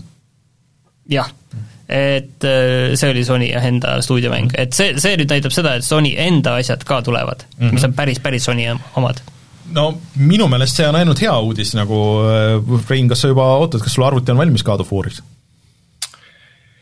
kurat, ma mängisin teda nii palju, et ma ei taha nagu nullist alustada ära hakka nüüd. samas, samas mine sa võid skip ida cutscene'id seal alguses ja, ja siis, äh, aga ma arvan, et sa saad suures plaanis parema kogemuse võib-olla kui PlayStation nelja peal küll um,. No natukene ootan, ma kõige rohkem ootan uh, Returnalit see on mm. üks mäng, äh, mis ma oleksin kaks tuhat kakskümmend üks kindlasti tahtnud ära proovida, aga, aga paraku see on jah, praeguse seisuga ainult äh, Playstation viie peal ja mitte kusagil mujal mm. -hmm ja teine suur äh, positiivne asi on see, et võib-olla ikkagi Amazonist saab ka ühel päeval ikkagi suur mängija ka videomängumaailmas, et nüüd lõpuks ometi neil tuli esimene õnnestumine sisuliselt üldse, mis neil äh, pärast äh, päris pikki katsetamisi videomängudega on olnud, et see New World.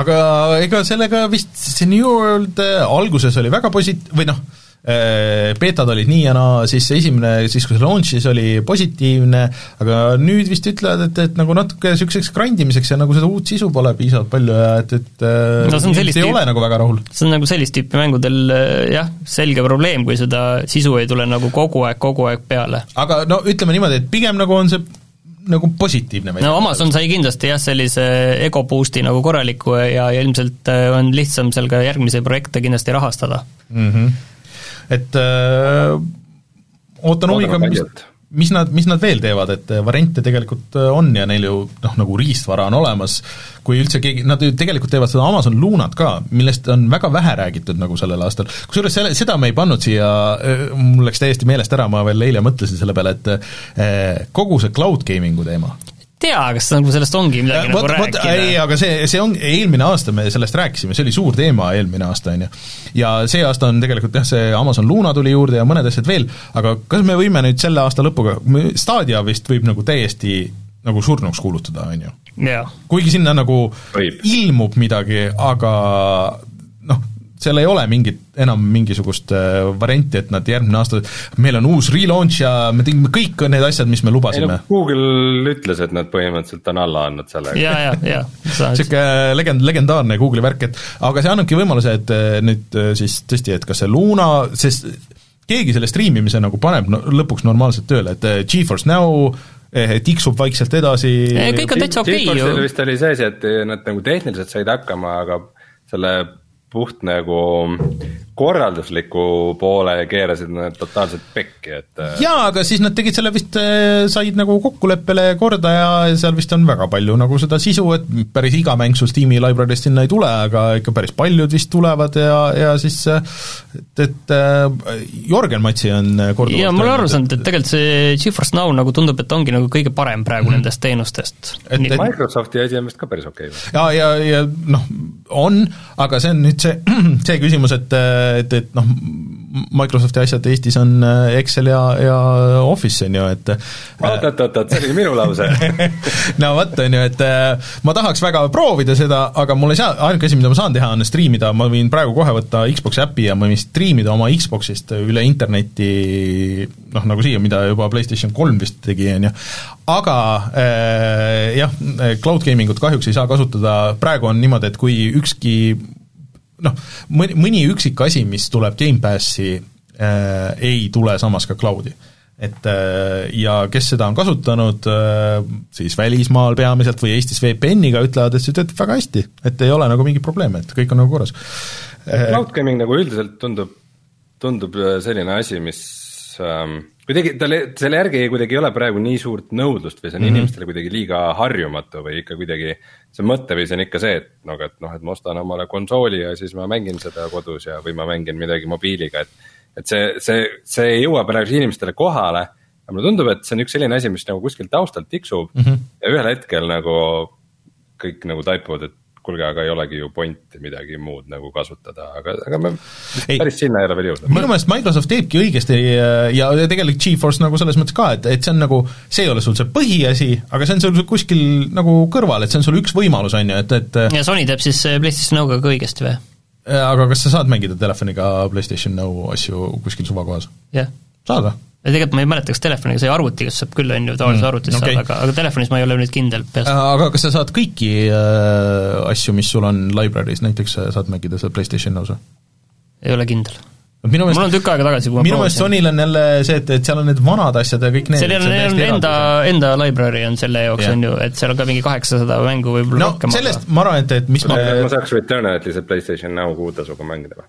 Ei, minu meelest mitte, ma ei ole kindel. minu meelest ka mitte. jah, aga ma ei ole kindel. aga sellest, et mida Sony võiks teha, sellest räägime järgmine saade, on ju, et, et äh, me räägime paar sõna siis ka Eesti mängudest, mis sel aastal välja tulid, naljakal kombel vist saame rääkida veel natukene Disco Elysiumist, mille need Final Cutid tulid välja ja, ja mis tulid äh, konsoolidele, kaasa arvatud siis ka Switch'ile, on ju mm. -hmm et äh, see ilmselt ilmestas, äh, ma ei tea, mis mänge teil veel meelde tuleb, minul tuleb meelde üks asi, see Edvin Aetmaa uus mäng, äh, kui ma ei tee nüüd liiga, siis see on minu meelest Early Access'is yeah. see Artist Life Simulator yeah. tuli välja, on ju?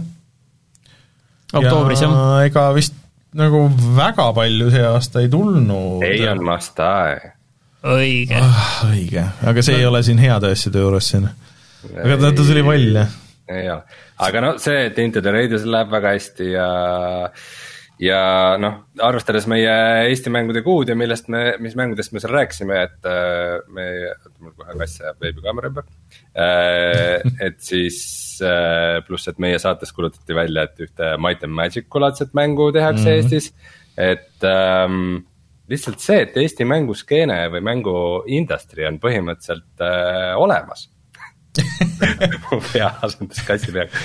Äh, et see on olemas ja sellel vaikselt läheb, äh, et tehti hiljuti ka uus äh, organisatsioon, mis koondab kokku Eesti mänguarendajaid. ja ütleme nii, et on, mida jälgida ja on, mida oodata jah, näiteks Plastronaut ma nägin, et seal pani mingeid konkreetsemaid kuupäevi, et, et millal see järgmise aasta alguses võiks välja tulla ja, ja nii edasi, et äh, Office, office management One on One või mis see oli, see, see yeah. peaks ka järgmine aasta nüüd välja tulema. Returnalit, Returnalit ei ole PS Now-s. jah, et äh, Eesti mänguarendus on, on tõusvas joones ja, ja selle üle meil on kõigil ilmselt väga hea meel ja, ja kui me saame Eesti mängudest rääkida siin, siis äh, hea meelega, kahjuks mõnikord see mäng on Eion Mastai et et selle, selle vastu me ei saa. aga no, nii võitjaid kui kaotajaid. jah, aga kas teil on veel midagi põhjapanevat öelda selle aasta kohta nagu, et mis teile veel teie meelest andis, andis ilmet nagu sellele aastale? kas on veel midagi? ei tea, ma arvan, et see top annab nagu põhjaliku vastuse. Selge. ma tahaks ikka uut graafikakaarti kunagi. mina tahaks ka, Rein, me oleme ühes paadis, me peame midagi tegema, sest et äh, okei okay,, mul on läpakas, mul on läpakal kolm tuhat seitsekümmend, asi seegi. jah, aga, aga mul, mul pole sedagi, ütleme, et äh, ma pean võtma, ma vaatasin niisugune enam-vähem niisugune okei okay komplekt, mida, mida praegu nagu osta, et see oleks mingi kolm tuhat kuussada eurot nagu see, see on liiga palju raha. see on liiga palju raha, jah, nii on aga kuskilt tuleb alustada kahjuks, peab kuskil internetist hakkama mingit juppide kaupa tellima, ühesõnaga, sellest räägime järgmine, järgmine saade, et mis meil selle aasta plaanid on. aga tuleme siis kohe tagasi ja siis vaatame, mis on meie selle aasta topid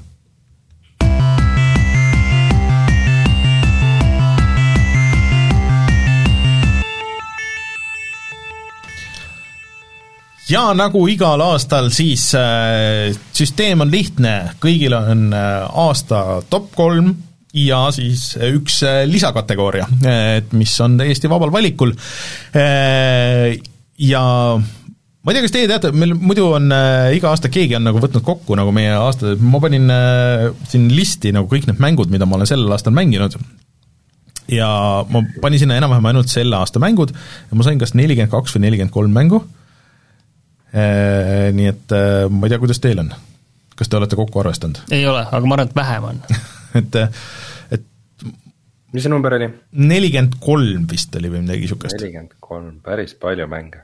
see on äh, üksjagu mänge, et nendest läbi ma muidugi olen teinud mingisugune, ma ei tea, seal oli kas kümmekond, ma ei saa siin, ma tegin enda isikliku konto all selle kahjuks, et ma ei saa siin seda Drive'ist lahti võtta, et aga Äh, ma ei tea, kas te tahate alustada erikategooriast või te tahate kohe alustada no, alustame, teeme, teeme erikategooria ära. Davai, teeme erikategooriat. niisiis, ma kaev-, kaevasin välja meie aasta kaks tuhat kuusteist erihelid, mis ma tegin spetsiaalselt selle jaoks, nii et see on väike niisugune flashback äh, viie aasta tagusesse aega, nii et äh, erikategooria.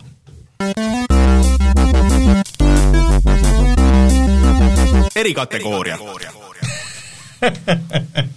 kas te veel mäletate neid, mina ei mäletanud, ma leidsin neid ja siis kuulasin ja oli väga naljakas.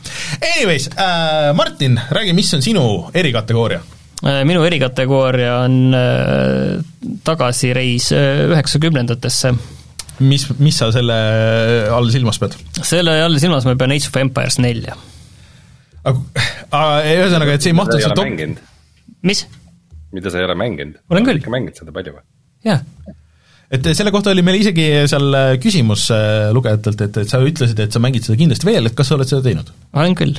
ja kas, et see ei mahtunud sinu top kolme, aga see on lihtsalt sinu äh, erikategooria? jaa, selles mõttes, et ma olen nagu kaugel selle läbitegemisest mm, -hmm. aga see on nagu üks asi tegelikult, mis seda üheksakümnendate nostalgiat ikka tuletab meelde ja mm -hmm. tegelikult mulle ikkagi nii palju meeldib, kuidas nad on seal neid asju lahendanud, et ma olen äh, kurtnud siin selle üle, et noh, kogu see asi on natuke nagu kiirem ja, ja sellest nagu ei saa mööda vaadata, aga samas noh, kui sa võtad kogu selle linnaehituse, kõik need noh, Rein kunagi küsis ka, et kui palju need on erinevad, need tsivilisatsioonid seal on, siis äh, naljakal kombel kõige rohkem ikkagi teevad neid erineva, ega nad fundamentaalselt ei ole väga erinevad, aga piisavalt, nad vähemalt näevad vähemalt visuaalselt erinevad välja ja noh, neil on need erinevad äh, liidrid mm., et äh, ja need liidrid võivad päris palju muuta seda, et kuidas sa tegelikult mängid. aa, et see on nagu hero based, aga kas vanemad ei, on, on, varem on ka ikkagi on, olnud on. erinevaid neid kangelasi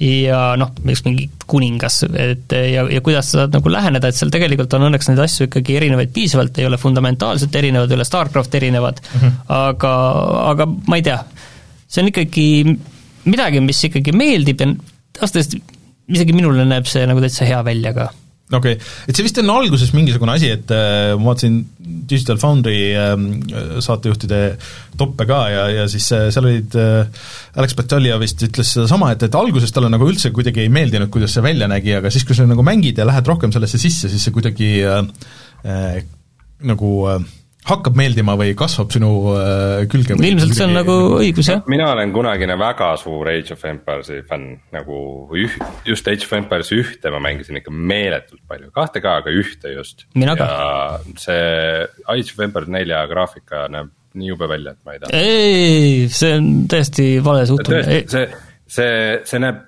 tehniliselt äh, halvem ja vähem detailsem ja vähem realistlikum välja kui StarCraft. aga kas ta peab olema aga see ei ole, see ei ole tegelikult, StarCraft kaks on väga vana mäng. see tegelikult ei ole tead, Rein, kõik nii oluline selle juures. et tegelikult see, selle sellisena, nagu ta töötab, ta töötab minu meelest väga hästi. ja pluss, pluss kogu see, kuidas nad on ikkagi vaeva näinud kogu selle ajaloolise taustaga seal, see nagu tõesti nagu need vahevideod, mis seal on tehtud, kuidas need sinna sisse viivad, see on tõesti nagu väga ägedalt tehtud, mulle tõesti mm. väga meeldib. mm.. no see oli siis Martini number neli. tead, ma, ma see, ma olen no. nagu see tüüp lihtsalt, kes, kes kogu aeg vastab nagu eelmisele küsimusele, kui tuleb uus küsimus, aga, aga ma ühte, ühte asja ikkagi ütleks, lisaks sellele, et oli põua aasta kaks tuhat kakskümmend üks. siis äh, mis mind ikkagi häiris, nagu on äh, sellel aastal äh, väga vähe innovatsiooni äh,. ikka ma, ma tundsin, et ikka sellest jäi nagu kõvasti puudu, et kui siin rääkida nagu sellest, et noh, et Microsoftil see aasta lõpp oli päris hea, eks, siis Microsoft on täpselt see, et nad teevad ainult nende vanade mängude järgesid ja, ja muudavad neid minimaalselt, et nagu. No päris niimoodi ma ei ütleks. et nagu, nagu igal pool, kui kuskil Halo Infinite'ist räägitakse, et seal on nüüd grappling hook. oota, me räägime kohe. Psychonauts kahest, me kohe räägime ilmselt. seal on, ei, seal on ikkagi, üks põhjus, miks nagu just Eternal on mäng, mis mul on nagu väga radaril, on see, et Returnal on, tundub nagu selline mäng, mis julgeb nagu siukses nagu triple A skeenes nagu katsetada. et seda, Se- et selles ma olen, äh, midagi nõus. teistmoodi tehtaks äh, muidu nagu suurte mängudega, näeb praegu ikka väga-väga vähe., aga, aga Halos ma ütlen ikkagi nagu seda, et äh, see ikkagi muudab seda Halo, Halo ja Infinite muidugi ta muudab, aga see ongi see, et see, see kõik ülejäänu on nagu nii ajast ja arust tegelikult. ei, tegelikult ei ole, tegelikult ei ole, see, see, see grappling hook on, on väga äge, aga tegelikult ka see muu, et, et see on ikkagi nagu Halo Infinite on äh, väga teistsugune mäng äh, võrreldes kõikide teiste Halo mängudega, ole vot nagu ma arvan, et Rein sihibki sinna, et jah, et võrreldes Halodega ta on jah, väga erinev, aga No võrreldes no, Far Cry'd ja muude asjadega ta ei ole aga see on jah, see on hoopis teine võit, ma olen su- suures plaanis, ma olen sinuga nõus, ma arvan, et äh, see on ikkagi nagu äh, see on sinna, mis ma ütlesin, et need on, kõik on head mängud olnud, mis on see aasta head olnud, neid on palju olnud, aga ei ole midagi, mis oleks väga hea, väga niisugune see noh, et, et see on nagu see üks see nõks, mis on puudu jäänud nagu. ja, ja noh, see, ma saan täiesti nagu aru, miks seda tehakse, point selles, et väga paljud mängijad tänapäeval on nagu juba veidikene nagu kõrgemas eas, nagu ka meie. siuksed äh, keskealised abetunud mehed nagu ümber laua räägivad, missugused mängud peavad olema. et, et siis, kui sa teed niisuguse järje vanast mängust või niisuguse uusversiooni, siis on see, et siis kõik need vanad mängurid, kellel nüüd on, nüüd on rohkem taskuraha, need äh, ostavad seda, võib-olla ei mängi, sest neil pole aega töö ja laste kõrvalt, aga ostavad ikkagi. ja, ja siis noored mängijad, kellel pole mitte midagi muud äh, valida, need ostavad ka, nii et tead, tead, võib-olla see on juba nagu see, et noored ei tea neid vanu asju ja siis nende jaoks ongi juba taasavastatud uus, et nende jaoks on see Age of Empires on värske, sest et nad ei ole vanu mänginud. jah, aga, aga see ongi see, et nagu, kus on nagu need õiged kahekümne esimese sajandi mängud. no, No need on seal indis, aga Rein, kuna sina jah, juba räägid, siis äh, räägi ka, mis on sinu erikategooria? Ja mul, mulle, mulle, minu, minu narratiivi jaoks tegelikult väga hästi see ei sobi, et me erikategooria enne teeme, et, et ähm, ma tahtsin midagi VR-i kohta öelda ka, spoiler alert. aga ma olen kogu selle jutu juba ära rääkinud, aga minu meelest nagu aasta, aasta VR-seade või aasta VR-juhtum, aasta VR-asi on äh, Oculus Quest kaks. see on ikkagi nagu muutnud täielikult seda turgu, kas siis äh, heaks või halvaks, aga, aga VR-skeenes on see, on see väga suur asi ja täielik standardite muutja, et nagu noh, kui, kui küsitakse, mis VR peaseadet osta, siis varem on ikkagi, et noh, et kui sulle meeldib rohkem see või see või raha. nüüd on see, et Oculus Quest kaks, see saab, vahet pole, mis sa tahad teha, et see, see on see peaseade. unusta, unusta ära mingid vibe'id ja muud asjad, et äh, nii see on. kahjuks on küll Oculus Quest ühe video. ma, ma panin jah, ühe video kahjuks tuli, aga, aga niisugune väike flashback siia. Äh, aga noh, selles mõttes ma juba rääkisin VR aastat kokku võttes selle jutu kõik ära, nii et ma ei hakka ennast kordama. nii, Rainer. Äh, jah, ja mina ütlen, minu erikategooria on see, et äh, mm, kaks tuhat kakskümmend üks minu meelest oli erakordselt hea retroaasta. Ma vist ütlesin seda ka eelmine aasta. aga see aasta on ikkagi nagu läinud äh, väga sügavuti ses suhtes, et ma ise olen, ma ostsin lõpuks endale selle Mysteri, mis on nagu avanud minu jaoks palju mingisuguseid huvitavaid platvorme, näiteks ma siin vahepeal puhkuse ajal ma panin tööle originaal Mac OS-i, äh, selle mustvalge Maci OS-i seal peal ja kasutasin näiteks Photoshopi ühte äh, teiste mängude kõrval äh, ja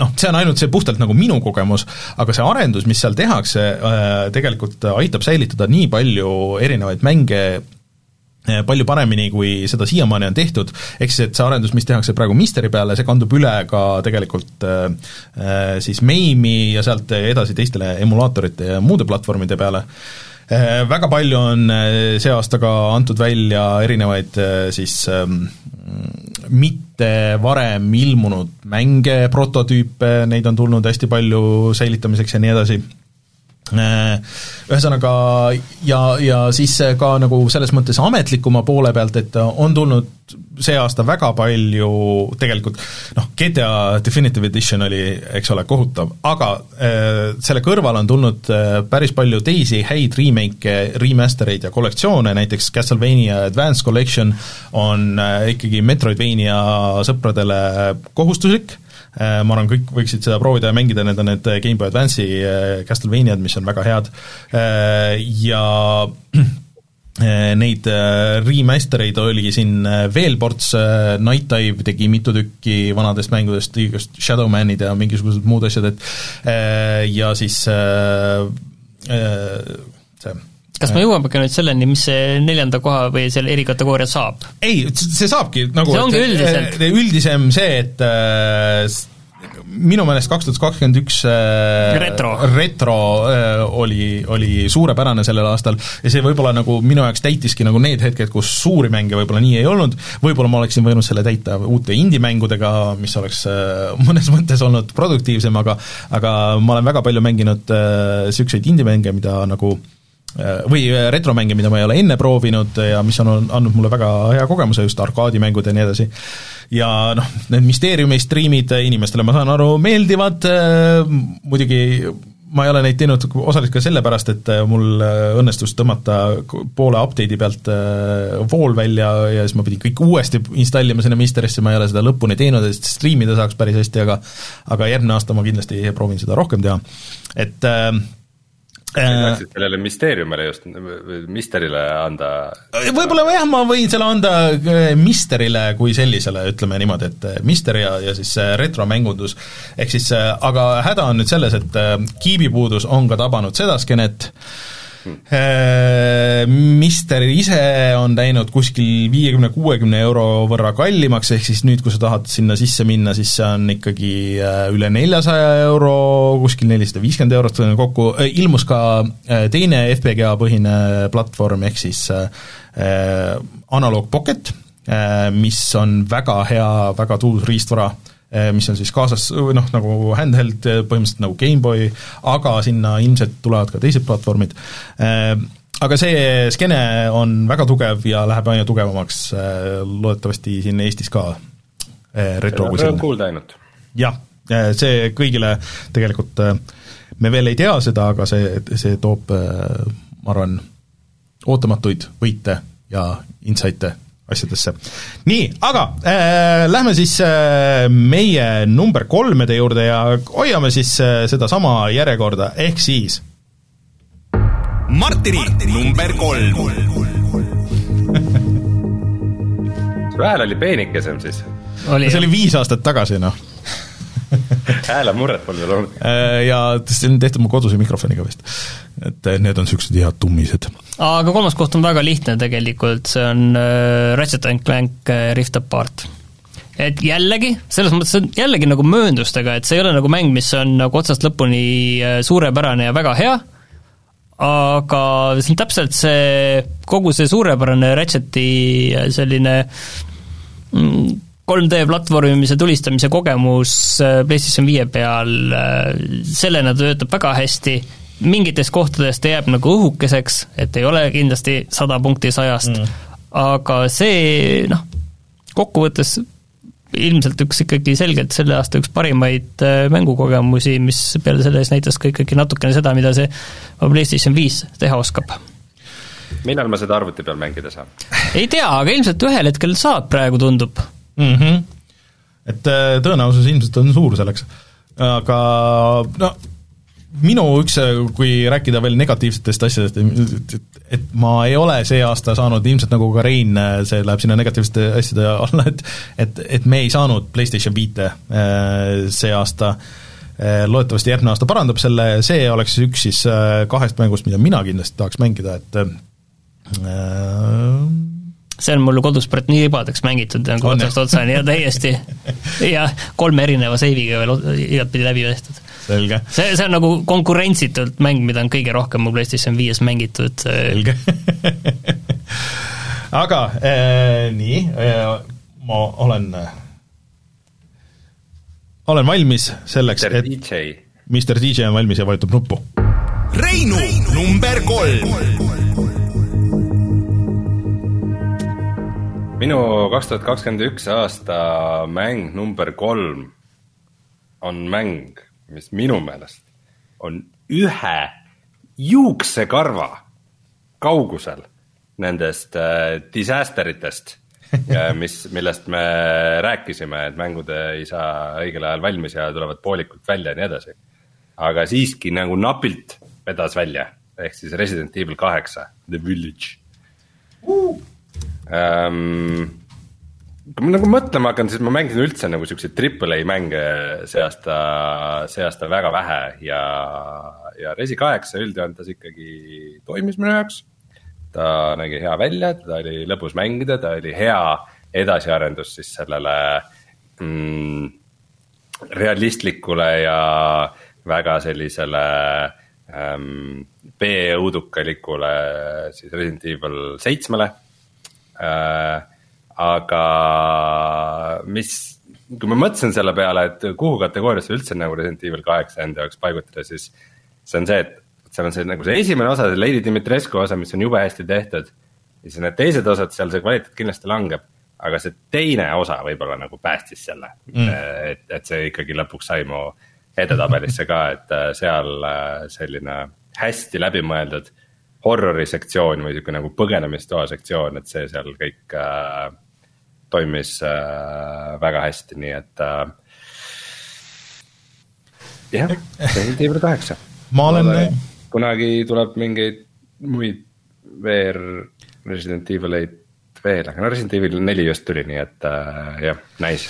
ja sellele lubati eelmine aasta minu meelest äh, mingid DLC-d ja tegelikult vot see mitmikmäng lükati ka ju järgmisesse aastasse, et, et see tuleb see, ka. sellest ma ei hooli üldse. Kas sa ei taha siis mängida Lady Dimitreskuna mitmikmängu või midagi niisugust, sest nad ei saa, ma arvan, et, et mis iganes DLC tuleb, vaat see Dimitrescu nagu, see tõsteti nagu nii suureks ja kuigi teda oli seal spoilers mängust üsna vähe, siis, äh, siis see DLC vist tuleb tema keskne kuidagi. noh, nii vähe ka ei olnud, aga, aga ikkagi jah, kui ma mõtlesin nagu tagasi äh, kaks tuhat kakskümmend üks aasta mängudele, siis siis niisuguseid mitmeid niisuguseid mänge, mida ma ikkagi nagu proovisin või mis mulle mm. meeldisid, siis kui ma tagantjärele mõtlen, siis nagu ei mäletagi neist midagi või neid läinud ikka kuidagi nagu korda, et äh, kuidagi Resident Evil kaheksas ikka mingisugune sihuke oma, oma feel või oma tunnetus äh, oli, et äh, et ta oli nagu teistsugune, aga samas ikkagi väga äratundavalt Resident Evil mm. -hmm.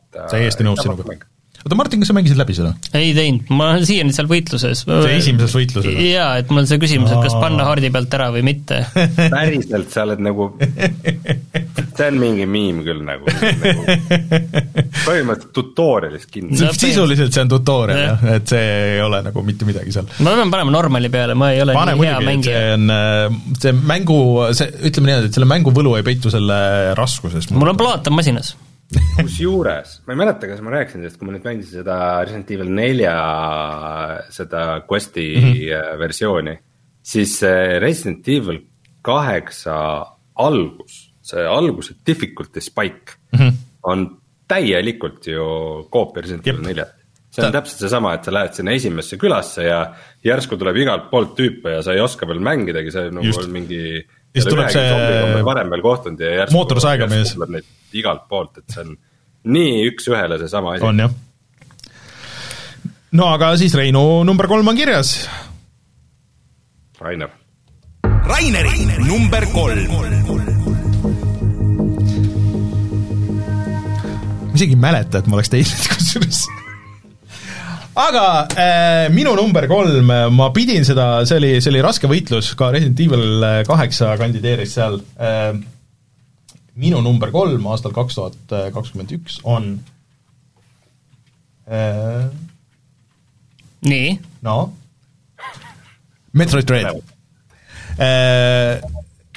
Et, et see mäng äh, võtab aega, et äh, lõpuni käima minna äh,, ta on kohati üsna frustreeriv, aga suures plaanis on see üks parimaid niisuguseid äh, Metroidvania stiilis mänge, mis üldse on tehtud, et ta võtab nagu tegelikult seda mm, äh,, seda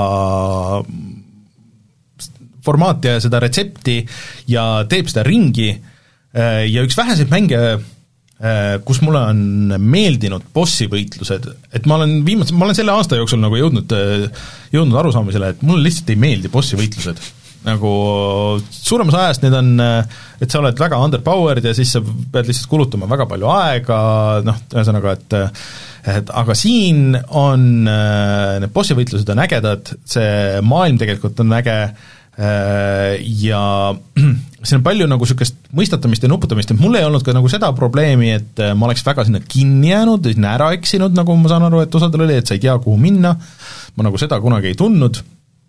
Mm,, ja see, seda emmide frustratsiooni nagu osadel oli, et, et et noh, et äh, seal on need niisugused äh, Resident Evilikud suured kollid, kes sind taga ajavad, on ju, seal mingites sektsioonides, et mind nagu see ei ka ei seganud nii palju, et nad on nagu hästi rasked, sa pead nende eest nagu põgenema ja siis äh, õigel hetkel nagu äh, nendest jagu saama, et, et ma ei tea, mulle nagu see meeldis kõik. et äh, ma arvan, et, et seda ikkagi peaksid kõik nagu proovima, kes vähegi huvituvad äh, Metroidvania tüüpi mängudest, et äh, et see stuudio on teinud midagi nagu uut selles võtmes, et praegu neid indie, indie-mänge on nii palju, kes noh, näiteks Axiom Verge kaks oli see aasta, oli ka, need oli nagu, see oli nagu väga niisugune klassikaline selles formaadis asi, et Metroid Dread oli minu meelest sellest kõvasti üle.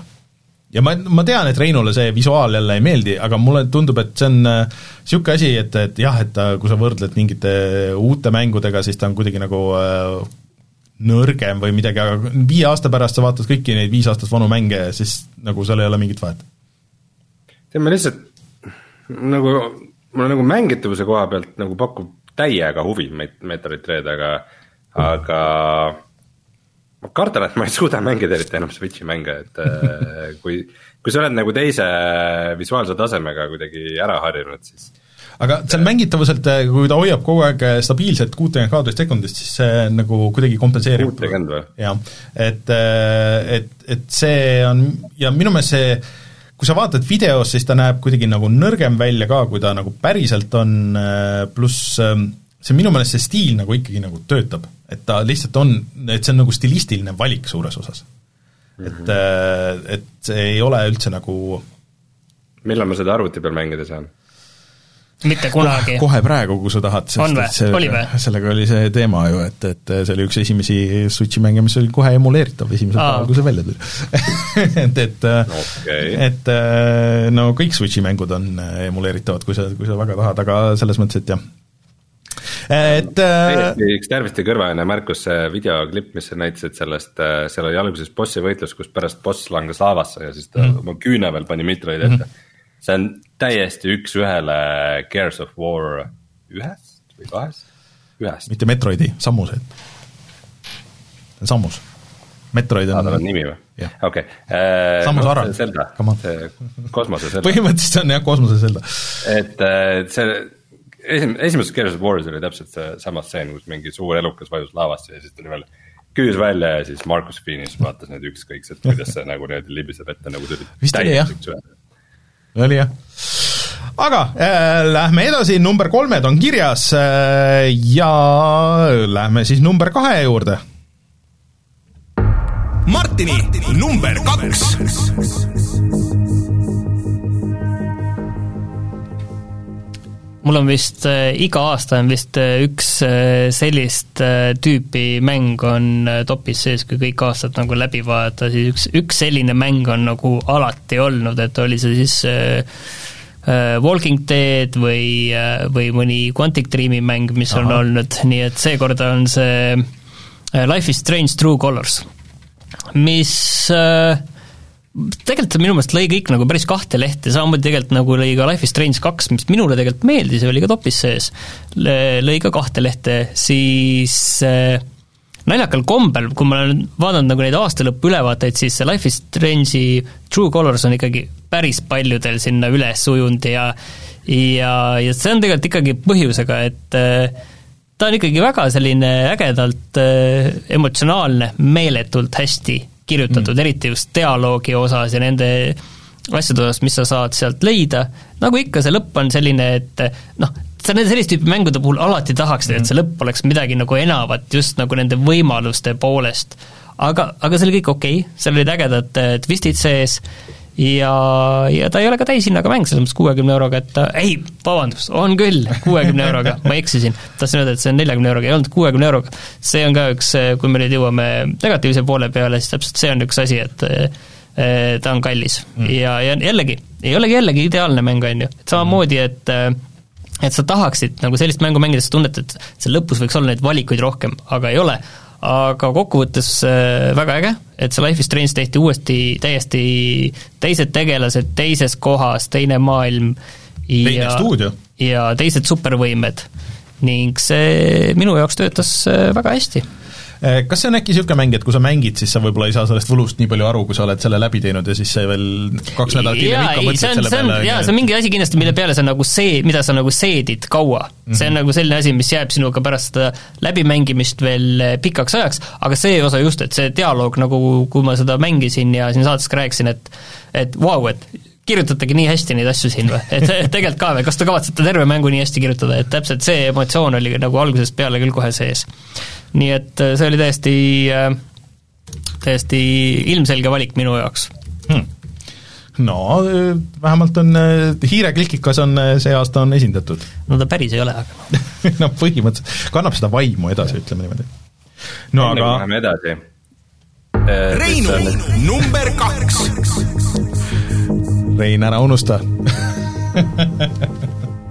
enne kui me läheme edasi, on üks breaking news. aa, nimelt, kui sa rääkisid, kuidas ikka Epiku poes midagi nagu ei ole saada, siis ma olen siin nagu taustal panin korra käima vahepeal, et vaadata, mis seal on, aga Epiku pood jookseb kinni.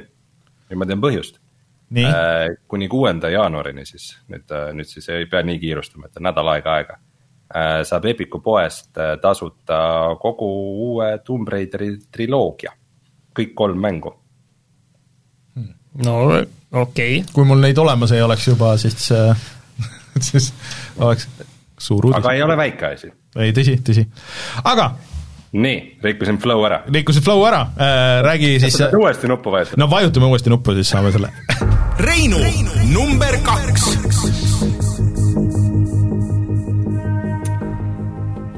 Reinu kaks tuhat kakskümmend üks aasta mäng number kaks on Valheim mm ähm,. tuli natuke mitte kusagilt ja vallutas maailma. Ähm, hiljuti, valesti kirjutasin. Äh,, hiljuti äh, kuskil Redditis oli äh, keegi teinud äh, selle äh, nagu aastakaardi, et mis osariikides äh, mida kõige rohkem guugeldati läbi aasta. Ja siis reaalselt on üks hetk, kui nagu kogu, kogu USA on Valheim üsna, üsna lühidalt, aga, aga ikkagi oli, oli nagu selline asi, et Valheim haaras lihtsalt kogu maailma mm. endale mm.. et äh, fenomenaalne edu kõrvale jättes oli, oli tegu väga mõnusa ja äh, nagu mitmel rindel eduka mänguga, mis ühest küljest oli selline brutaalne viikingi mäng, mis andis väga palju vabadust väga selline süsteemipõhine mäng, väga ilus mäng, väga veidra omapärase sellise low poly stiilne võib-olla siis pigem. stiiliga äh, ja äh, väga niisuguse cozy äh, tundega mitmikmäng, millega siis Joosepi ja teistega meil sai mängides nagu kõvasti nalja, millest ka me ka videosid tegime, aga kindlasti mulle jäi nagu väga eredalt äh, see sellest aastast meelde ja, ja. see on nagu naljakas, et mingis mõttes kuidagi see mäng on nagu žanriliselt täielik klišee. Äh, et avatud maailmaga ehitamine ja ressursside korjamine ja, ja erinevad bioomid ja kõik see aga kui tuleb üks mäng, mis teeb seda klišeed mega hästi, siis tundub, et kõik tahavad seda väga mängida ja, ja samas ta ikkagi tundus väga värske ja suutis mind väga mitmetes asjades äh, kõvasti üllatada. aga oled sa jälginud ka, et mis seisus see praegu on, äh, kas ma sain aru, et ainuke suurem kriitika oli see, et tal oli nagu seda sisu nagu pigem nagu vähe, et et kui sa alguses suure hooga mängisid kõik läbi, et siis nagu polnud nagu suurt midagi teha, et kas siin on midagi juurde teha? alguses palju, äh, noh, ta, teda ikka jagus ja, ja nagu tundideks ja kümneteks ja kümneteks mm -hmm. tundideks ähm,. probleem on lihtsalt see, et äh, kui ühel hetkel see otsa sai, siis tänapäeva mängija on harjunud, et äh, seda sisu mm -hmm. nüüd hakkab nagu igakuiselt äh, kõvasti juurde tulema et äh, arvestades, et Valheim on mäng, mida tegi viis inimest, siis see, see, sellist nagu ja, ja ta on ikkagi veel early access'i mäng, ta ei ole väljas. aa, ei ole et siis, ähm, siis neil seda ei olnud nagu pakkuda, et äh, suurem update, nüüd esimene tuli sügisel. ma isegi väga ei ole süvenenud, mis asju see Hearth and Home või, et mis ta sinna juurde lisas, aga mitte nagu liiga palju mm, -hmm. et, ähm, et jah, see selles mõttes, et kõik ootavad mingit järgmist elustiili mängu igast mitmikmängust, et võib-olla ta ei ole nagu päris see, aga, aga see on sihuke mäng, et sa mängid seda ja mingi periood ja sul on lõbus ja, ja siis sa liigud edasi. ta on nagu äh, pigem nagu sihuke Among Us'i võtmes äh, mäng võib-olla või? et kusjuures see on tegelikult äh, huvitav teema, et äh, kui eelmine aasta oli siukseid nagu mänge, mis läksidki mingiteks miimideks ja nagu said mm -hmm. väga kuulsateks nagu siis Among Us või Fall Guys või Phasmophobia või mingid sellised. siis peale Valheimi ma nagu sellest aastast väga ei oskagi nimetada siukseid, et kuidagi. ei tule jah, väga ei tule jah, tõesti. Et pigem noh, kui üldse ma ei tea, see, see vist ei kvalifitseeru, aga minu meelest äh, Forza Horizon viis lihtsalt läks nagu kuidagi nagu niimoodi naljakalt käima, mida ma ei ole ammu niisuguste suurte mängude puhul näinud, et nagu kõik mängisid igal pool, aga, aga see on ka kõige lähemal sellele võib-olla. mina ei ole täheldanud niisugust asja hmm. Aga siis äh, Reinu hõbe on Valheim äh,, võib-olla jah, et aeg minna varsti tagasi, tehke Joosepiga uus video, kõik küsivad, miks Joosep enam mängu välja ei tee Joosep teeb, Joosep teeb puhata ja mängida äh,. Aga lähme siis edasi Raineri number kaks.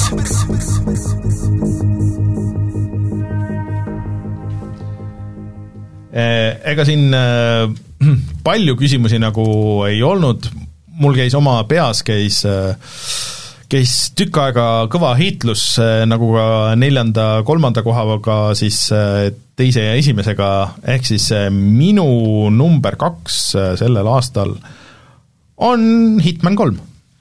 Täiesti äh, üllatustavabalt. et jah, et äh, ma vaatasin, et ma olen seda, see on üksikmäng, eks ole, äh, mul näitab see mängitud aeg oli vist äh, üle kuuekümne tunni, midagi niisugust, ja see on üks mäng, mida ma unustasin alguses muidugi mainida, et mida ma olen siin mänginud, see Creed, ühesõnaga see Seven Deadly Sins sai lõpuks valmis, siis mis oli seitse nagu niisugust väikest lisamissiooni, päris ägedate tingimustega nagu mis muutsid seda gameplay'd palju. Ja see oli allahindluses siin äh, jõulude ajal äh, mingi kahekümne viie asemel maksis äkki viisteist, midagi niisugust, siis ma ostsin selle ära tervenisti äh, ja see annab niisugust mõnusat twisti selle juurde, aga, aga Hitman kolm kui selline, ehk siis et see võtab ju noh, sa saad mängida kõiki vanu Hitmani kaarte uuesti seal sees, seal on kõik need noh, jätkuvalt käivad praegu need elusive target'id, seal on veel mingid suuremad väljakutsed, seal igas kaardis on väga palju avastada, need kaardid on ikka mega suured, ma mängisin just seda viimast elusive target'it seal Berliini levelis ja see Berliini level, kusjuures ma tegin selle, see oli viimane mäng, mis ma tegin läbi äh, Xbox äh, One X-i peal veel, see enne, kui ma sain äh, oma Series X-i ja kui sa mängid seda Berliini levelit äh, just äh, siis äh, Series X-i peal, kus sul on tantsupidu, reiv, kus on sajad inimesed, sa üritad seal käia ja, ja see tümman käib, see on, kusjuures see on niisugune hea tunne, ma mäletan väga hästi, kui ma esimest korda jõudsin sinna, see oli eelmise aasta, või noh, see on nagu selle aasta alguses, sa ei ole peol käinud. Põhimõtteliselt üle aasta aja ühelgi ja siis on nii palju inimesi koos, et muss käib, base on boost itud, on ju, et, et see on midagi hoopis teistsugust, et äh, kui see nüüd tuleb Steam'i, kui te ootate seda, et äh, see äh, Steam'i jõuab, siis ma kindlasti soovitan seda mängida, sest et sellist stealth'i mängu ei ole teist, ma arvan, et see on nagu ikkagi nagu tippvorm selles kõiges, et sul on igal levelil on nii palju võimalusi, kuidas seda lahendada, võid minna puhtalt seda story mode'i jälgides nagu, et kus sulle öeldakse ja näidatakse kõik ette, sa võid nagu minna täiesti oma teed niimoodi, et sa ei kuula midagi, lahendad ise kõik need probleemid, teha kõik stealth'iga, minna kõik relvadega, ühesõnaga, et sul on võimalusi nii palju äh, ja need levelid, kõik uued selles kolmandas on väga head. et seal võib-olla see kõige viimane level võib-olla on nagu natuke nõrk, sest et see on hästi lineaarne, aga seal on ka mingid omad teised võlud nagu selles mõttes, eriti kui sa esimest korda mängid. et oota, Hitman kolme siiamaani ei ole Steamis või? ei, see ju tuli eelmise, või nagu selle aasta jaanuaris ja nüüd nad ütlesid, et neil on jaanuaris on, tuleb suurem äh, infodamp ja kõik nagu muud asjad, ehk siis et kõik see vihjab sellele, et nende see Epiku eksklusiivsus äh, sai läbi. Et ähm, olge valmis selleks ja Hitmani tuleb järgmine aasta veel, mille üle mul on ainult hea meel. ehk siis äh, ma, ainuke asi, mida, mis, kui nüüd negatiivselt jah, taaskord nagu välja tuua, siis mulle oleks, mina olin üks vähestest, kellele meeldis see episoodilisus. et äh, sul tuli iga kahe kuu tagant tuli see üks level äh, ja siis sa said nagu, rohkem nagu oli aega süveneda sellesse ühte levelisse, teha nagu proovida mitut moodi, sa saad seda praegu ka teha, aga nagu kiusatus on liiga suur, vähemalt minu jaoks, et sa teed ühe leveli läbi, siis sa hüppad kohe nagu järgmisesse, et ähm, et see esimene, esimese osa nagu episoodilisus minu meelest töötas väga hästi selle kasuks, kuigi alguses tundus väga imelik see kõik. et äh, jah, aga Hitman kolm suurepärane mäng, äh, soovitan kõigile, et see on praegu allahinnatud, selle konsoolidel on äh, ta-, täiesti tasuta, on see starter pack, kus on äh, need training mission'id ja siis see esimene Dubai level vist, et kui te kahtlete, siis minge proovige seda, ähm, mingit põhjendust ei ole, mitte seda teha, Dubai level on väga super ka iseenesest juba, vot. nii, number kahed on kõik kirjas ega siis see, see tähendab ainult seda ühte. see tähendab seda, noh, ühte nagu. Lähme kõige magusama osa juurde koogist. pange nüüd oma kõrvad valmis enne siin valmistasin. Martini number üks ja nii, äh, tegelikult äh, nagu juba näha oli, siis ma rääkisin, et, äh, et kõik, ükski asi ei olnud nagu ideaalne mm ja, ja, ja iga asjaga oli nagu mingi häda. ja mingid asjad võib-olla, mis oleks võinud olla siin kõrgemal, jäid äh, pooleli, nagu seesama Resident Evil Village, millele Rein igal võimalusel viitab. aga, ja selle tõttu ongi tegelikult äh, minu esimesel kohal selline protestihääl. mis äh, on protestihääl, aga samas ei ole ka, see oli tegelikult selline mäng, mis mind naljakal kombel see aasta nagu kõige võimsama emotsiooni andis. see ikkagi Nii. tõmbas ikka niiviisi käima, et et vau wow,, kui sa said, said sinna sisse, siis sa nagu kohe läksid ja kohe tegid ja ja proovisid ja katsetasid ja nägid asju, mis olid hoopis täiesti teistmoodi. et vau wow,, et niiviisi saab teha või?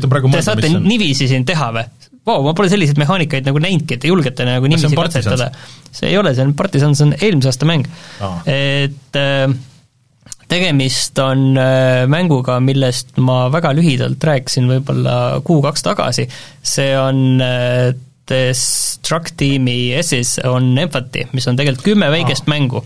ja need ikkagi nii, nii mängitavuse koha pealt kui äh, sellise emotsionaalse laksu koha pealt tegelikult jäid mulle sellest aastast kõige ägedama kogemuse andsid.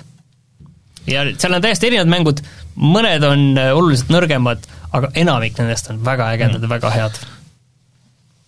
mulle tundus see ka väga äge ja sellega mul meenub lihtsalt see, et, et mul jäi lõpetamata see unpacking, mille peaks mida ka väga palju kiidetakse. jah, et äh, ma jõudsin seal suhteliselt lõppu välja, aga, aga viimase, viimast twisti ei ole teinud, nii et äh, Essays on Empathy tõesti mulle tundub ka huvitav, et niisugune see on nagu selline, et see ükski ei ole valmis mäng mm, -hmm. need on kõik sellised äh, Game Jam'i testimängud mm, -hmm. aga nad selle võrra oma sellises tooruses on just väga nagu mõjuvad, et mhm. seal ei ole nagu noh, keegi ei mõtle seal mingi rahastusmudeli peale või sellise asja peale veel nii kaugele ette, vaid nad on sellises puhas mängumehaanika, puhas emotsioon ja selline, selline mõnusalt toores asi. Need kõik on väga toredad, aga kuidas me saaks siia NFT-d sisse no vot täpselt, vot täpselt, et need on asjad, mida seal, kusjuures seda Metroidvania tüüpi mängu ma ei olegi mänginud nendest mm., ma mõtlesin, et ma ühel hetkel panen sellega käima.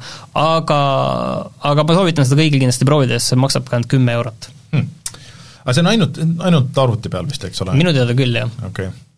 nii, Reinu võttis selle täiesti vaikseks ei, äge, no see tegelikult natukene müüsid selle mulle juba see super, esimene asi, millest võid alustada, on see Supercontinent Limited, et see on nagu täiesti teistmoodi.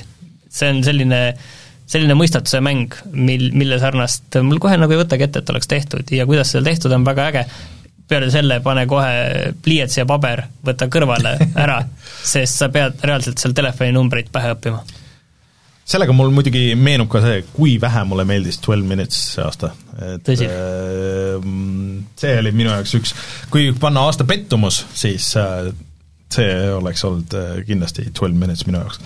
aga äh, lähme siis edasi, Martini number üks sai kirja, milleks on siis Essays on Empathy ja liigume edasi Reinu, Reinu. number üks!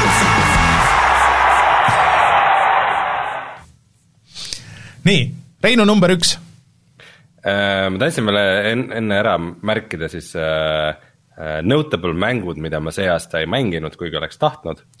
mis, mis võib-olla nagu tagantjärele kunagi mõtleks, et ah kurat, oleks tahtnud ikka panna toppi, et siis It Takes Two um,. mis muidu ka mul kogu aeg radaril olnud ja olen tahtnud mängida mm, -hmm. aga lihtsalt ei suuda sõbraga aega leida. sest selle jaoks on vaja kahte mängijat nagu ütleb ka mängu nimi mul on ka see installitud olnud äh, Gamepassist äh, sellest ajast saati, kui see on Gamepassi tulnud. mul on kusjuures mingi see sõbra, vot see sõber saab anda mingit token'i ja siis äh, mul on see mm -hmm. mingi ka suvest saadik installitud, vahet pole siis Returnal ja After the Fall, mis on siis selle Arizona Sunshine'i tegijate mm -hmm. uus uus VR koostöö tulistamismäng. ja just see, see on ka võib-olla huvitav, et nagu minu kui nagu Left 4 Deadi fanaatikust läks siis see aasta täielikult mööda see Left 4 Deadi laadsete mängude laine mm ka põhjusel, Back for Bloodi kusjuures jah, et äh, meelde tuletas, siis mina mängisin, mulle ikka kuidagi nagu see üldse ei istunud ja ma vahepeal siin jõuluajal ja veel üks mäng, mis mul meelest ära läinud, ma mängisin ka Fi-, Aliens Fireteami äh, et ma tegin seal selle esimese missiooni ka nagu läbi ja eh, ma pean ütlema, et eh, esimesed kümme-viisteist minutit mulle üldse ei meeldinud kogu see kontroll ja kõik see, kuidas see välja nägi ja kuidas see kõik oli, aga siis see viimased kümme-viisteist minutit, eh, kui see missioon hakkas läbi saama ja sa pidid teistega, noh, et ma mängisin päris inimestega, küll random itega, aga, aga nagu küll, täitsa nagu töötas ja see oli päris nagu pingeline ja me aitasime üksteist ja panime turreteid ja, ja, ja Alieni, aga noh, see kõige suurem asi on seal nagu see, et see on Alieni mäng ja need alienid on täiesti mõttetud nagu seal. Need on lihtsalt nagu see nii-öelda cannon fodder, mingid suva lihtsalt tulnukad lihtsalt, keda sa tulistad ja siis need lendavad õhku ja siis need niisugune mm, mm. et see, see ei ole nagu fun. aga äh, tuleme tagasi sinu juurde, ehk siis äh, kas sa tahad välja öelda oma numbri või ootame, et Martin jõuab tagasi, kes jooksis korra vaikselt salaja midagi. Martini reaktsiooni, ei no las ta, las ta olla seal, kus ta olema peab. Äh, Reinu aasta parim mäng aastal kaks tuhat kakskümmend üks on Diablo kaks Resurrected. no see vist ei olnud äh, suur äh, üllatus mitte kelle, kellegi äh... no selles mõttes ikkagi oli, et nagu noh, nagu sa ise ka tead, et kui kui sul mingit kõigi aegade lemmikmängust tehakse uus versioon, siis on nii palju asju, mis võib minna valesti. või kuidas see, kuidas see rikutakse või käkitakse nagu totaalselt ära.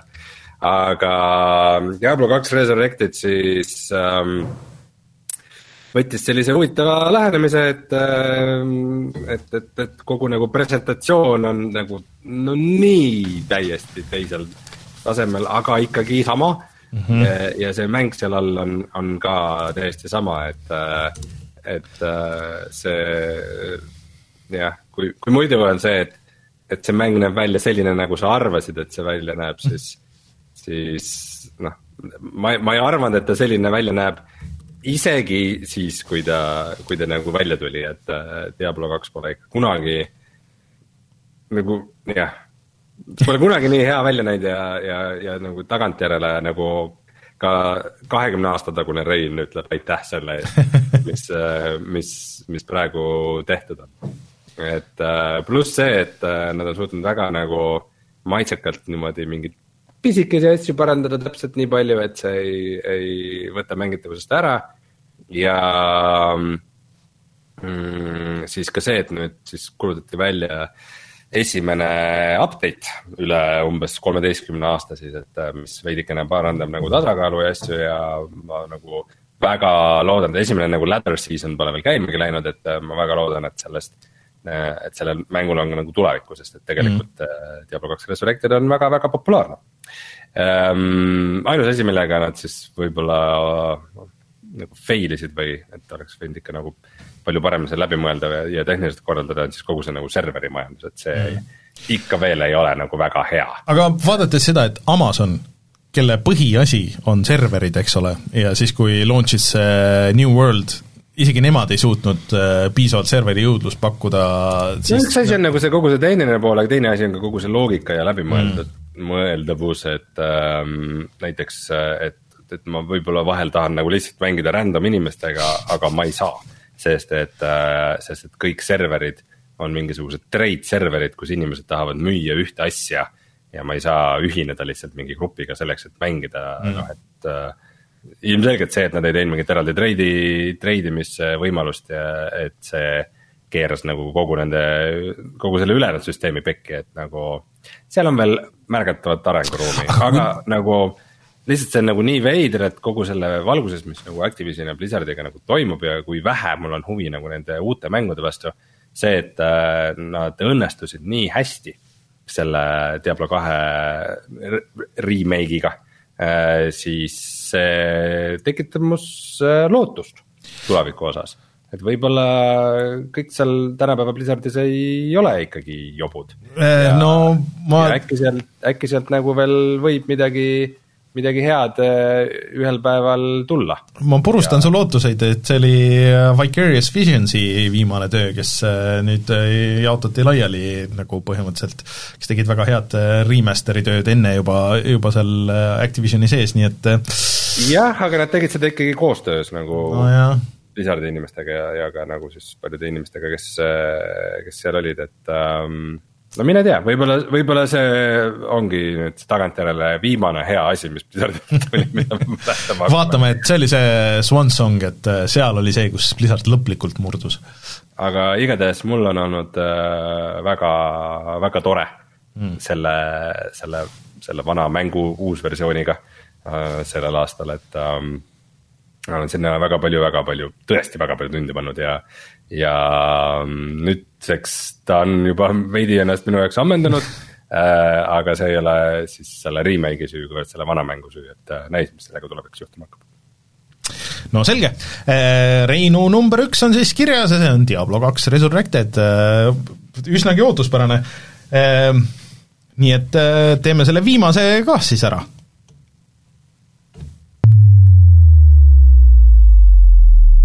Raineri number üks. Ma tõesti ei mäleta, kuidas või millal ma neid tegin. aga sellega on äh, selline asi, et Martinile on see juba tabelis kirjas, ilma et me oleks rääkinud sellest. Ja äh, otse loomulikult on see Psychonauts kaks, ehk siis äh, mäng, mida mina olen oodanud äh, aastaid see on ju tegemises olnud äh, põhimõtteliselt äh, pff, ma ei tea, viis aastat või midagi niisugust, ja siis, kui veel äh, Double Fine oli äh, eraldiseisev stuudio, enne kui Microsoft nad ära ostis, aga nagu Psychonauts kaks on ikkagi hea näide sellest, et kui üks stuudio paneb kõik, mis neil on, nagu nagu kogu oma südame põhimõtteliselt paneb sellesse ühte mängu. et äh, noh, Rein on siin kritiseerinud nagu Double Fine'i enne, et noh, et mis nad siin on teinud, et nad on teinud palju nagu väikseid mänge, nad, see oligi nende nii-öelda ärimudel, et nad tegid niisuguseid äh, noh, neil oli, ma ei tea, mingi nelikümmend inimest oli vist stuudios ja, ja siis nad tegid kolme niisugust väiksemat mängu korraga, mis olid nagu head ja edukad, aga mitte nagu niisugused superhead eh, ega superedukat, aga piisavalt, et indie-stuudiot elatada. aga kui nad noh, need olid väga andekad inimesed, kes neid seal kõik töötasid, eh, kui sa paned kõik need inimesed sinna eh, ühte mängu tegema ja võtad Microsofti raha, et, et, et see lõpuni välja viia, siis tulemuseks ongi Psychonauts kaks, et see ühendab kõik need asjad, mis on nagu mulle, ehk siis et väga tugev ja väga niisuguse mitme layer'iga story, kus on palju nalja, aga nagu ka niisuguseid tõsisemaid teemasid, äh, väga hea level disain, palju niisugust platvormimist, aga ka niisugust hiireklikkalikku pusle lahendamist, äh, väga niisugune stiliseeritud visuaal, väga stiliseeritud muusika nagu, et, et niisugune, et noh, et et noh, kui sa annaks äh, sellele Danny Elfmanile või noh, et, et äh, põhimõtteliselt äh, kellelegi muusika teha, kes on äh, kuulnud võib-olla mõnda Danny Elfmani lugu, aga, aga ei tea temast suurt midagi, siis, siis me jõuaks sinna, mis sobib väga hästi kogu selle visuaali ja kõige sellega, et ta on ikkagi nagu see, milleni Psychonauts üks nagu viis, viib või nagu, et, et seda ma, nagu ei, ma mõistan väga hästi, see on Psychonauts üks nagu luba, lubas väga palju seda, mida Psychonauts kaks nagu lõpuks toob või nagu ära teostas, sest et noh, Psychonauts ühe aeg noh, mängude tegemine oli teistsugune, puht tehniliselt äh, ei olnud mingeid asju võimalik teha. Äh, kui nüüd jah äh,, me oleme iga selle asja juures toonud välja ka midagi nagu negatiivset, kui midagi nagu negatiivset välja tuua, siis see on võib-olla nagu see võitluse osa või see kombat, mis ei ole nagu eriti huvitav, aga õnneks nad nagu vist said sellest aru, et nad nagu ei suru seda peale ka, eh, sa saad eh, sellest üsna kiiresti ja kergesti nagu läbi ja seal on nii palju võimalusi, kuidas seda nagu tegelikult nagu lahendada, et see põhiosa on ikkagi see platvormimine, see story, isegi Jack Black on äh, mitte Jack Black, nagu ta kõikides viimastes oma filmirollides on äh,, teeb väga ägeda osa seal, et Eh, kuna see on välja, väljas ka kõikidel teistel platvormidel peale Xboxi ja, ja Gamepassi ja nii edasi, siis, eh, siis ma tegelikult ikkagi nagu soovitaks proovida, kui vähegi on huvi nagu platvormikate ja niisuguste äh, vanemat stiili hiireklikikate vastu, sest et niisugust huumorit ja niisugust nagu mängitavust ma ei ole ammu kuskil mujal kohanud. et ma arvan, et see on ka võib-olla see, millest Ratchetis võib-olla nagu puudus yeah, tuli, et, et nagu niisugune vaheldumine, et, et siin sa lähed nagu erinevate inimeste äh, alateadvusesse ja siis lahendad nende probleeme ja iga nagu see koht, kuhu sa lähed, iga inimese mõttemaailm on nii erinev ja sa lahendad nagu neid asju seal nii erinevalt tegelikult, et see fookus on erinevas kohas. et äh, see on ikkagi väga cool äh, ja mul on kahju, et me ei ole, me ei saanud videot sellest teha, et ma ei tahtnud enne videot teha, kui ma olin läbi mänginud selle, aga siis juba tulid kõik muud asjad peale ja me nagu selleni ei jõudnudki. Äh, nii et äh, Psychonauts peab aasta alguses tegema ühe vigade paranduse. võib-olla, võib-olla tõesti, et äh, ega siin aasta lõpus ju midagi väga suurt ei ole, et äh, mul on, see koht on isegi valmis, ma tegin eraldi seivi, et äh, et, et kus saaks mängida täpselt niimoodi, et saaks kõiki neid asju näidata, et seal on mitu suurt niisugust sõlmmaailma ja nagu niisugune poolavatud maailma, et, et kus saaks minna. et Psychonauts kaks minu meelest kindlasti selle aasta kõige parem mäng või vähemalt mäng, mis mulle läks hinge kõige rohkem soovitan kõigil mängida. Steamis on ka praegu just kolmkümmend viis protsenti allahinna. vot, nii et äh, selle raha eest äh, kindlasti, kui teil ei ole Gamepassi või ei taha sellesse süveneda, siis äh, kolmkümmend viis protsenti alla on kindlasti väga õiglane hind sellega, selle eest. vot, aga ongi meie topid kirjas. Martin, kas sa loe siis korra veel ette äh, meie kõigi, kõigi topid sellel aastal. Äh, minu top äh, kolm oli SS on Efati, Life is Strange, True Colors, Ratchet and Clank, Rift Apart ja erikategooria oli selline reis üheksakümnendatesse ehk Age of Empires neli. Reinu topp oli Diablo kaks Resurrected, Valheim, Resident Evil kaheksa Village ning eripreemia sai Oculus Quest kaks. Ja Raineril esikoht äh, Psychonauts kaks, teine koht Hitman kolm, kolmas koht Metroid Dread. Ja lisaauhind läheb siis kogu sellele retroskeenele ja Mysterile ning mis ma panin praegu tähele, et siin peaaegu kõik on järjed, välja arvatud Essisen Efrati ja Valheim. See, see iseloomustab seda aastat vist äh, päris hästi, nii et äh, aga mulle meeldib see, see Mehhiko mäng, mis sa mängisid, Martin. SS on Empathy mm.. Aga tuleme siis tagasi ja siis vastame natuke küsimustele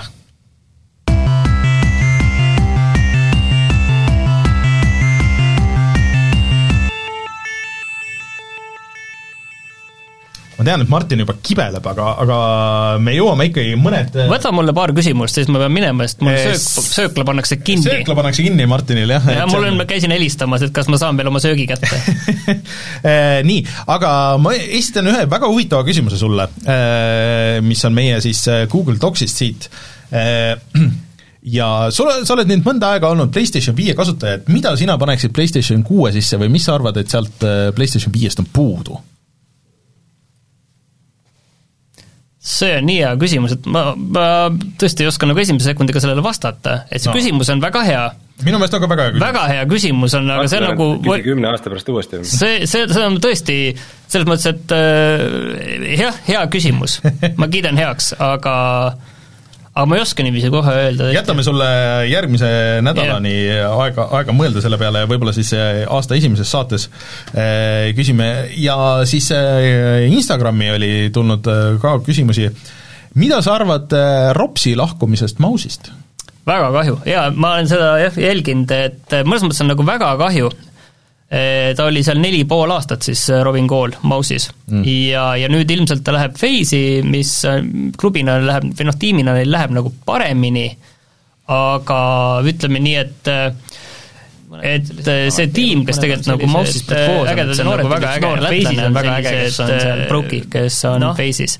aga samas on üks noor äge leedukas, on on tegelikult Mouse'is seal, et tegelikult on nagu ilgelt kahju, sest ma olen ise nagu Mouse'ile kõvasti kaasa elanud, just muidugi tänu Ropsile, on ju, ja nüüd nagu, okei okay,, nüüd sa pead nagu muutma seda, kellele sa kaasa elad ja et et, et see iseenesest on kahju, aga teisest mõttes ma saan aru, et nagu mängija arenguna ja sellena kõigena on see tegelikult väga hea.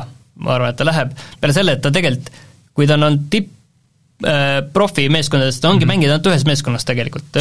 ja mis on tegelikult väga haruldane, et äh, et väga paljud mängijad ikkagi aasta-kahe tagant vahetavad tiimi ja nii edasi, et see, et neli pool aastat sa oled ühes tiimis olnud, tegelikult see nagu CS-GO-s on nagu ikkagi üsna suur saavutus mm. -hmm aga ma, ma tahaks ühe küsimuse, niikaua kui Martin veel on, panna raundi, kuna siin Geenius tead ka vahetas omanikku ja niimoodi, et äh, küsitakse, et kas meil on kellelgi ka mänguarendajate aktsiaid? minul oli, Devolveri omasid minul oli tegelikult SS on EFAT-i äh, arendaja aga siis pole ime. aga, aga ma müüsin need maha sellepärast, et tegelikult väga, ma ei oleks tahtnud. aga, ja, ja ma müüsin nad ka väikse kahjumiga maha, sellepärast et äh, et tegelikult see oli mul selline emotsiooniaktsia, see ei olnud nagu see aktsia, et vau wow,, küll ma panen sinna ja see on Enefit Green ja lükkan sisse ja IPO ja pärast võtan välja, ei ole.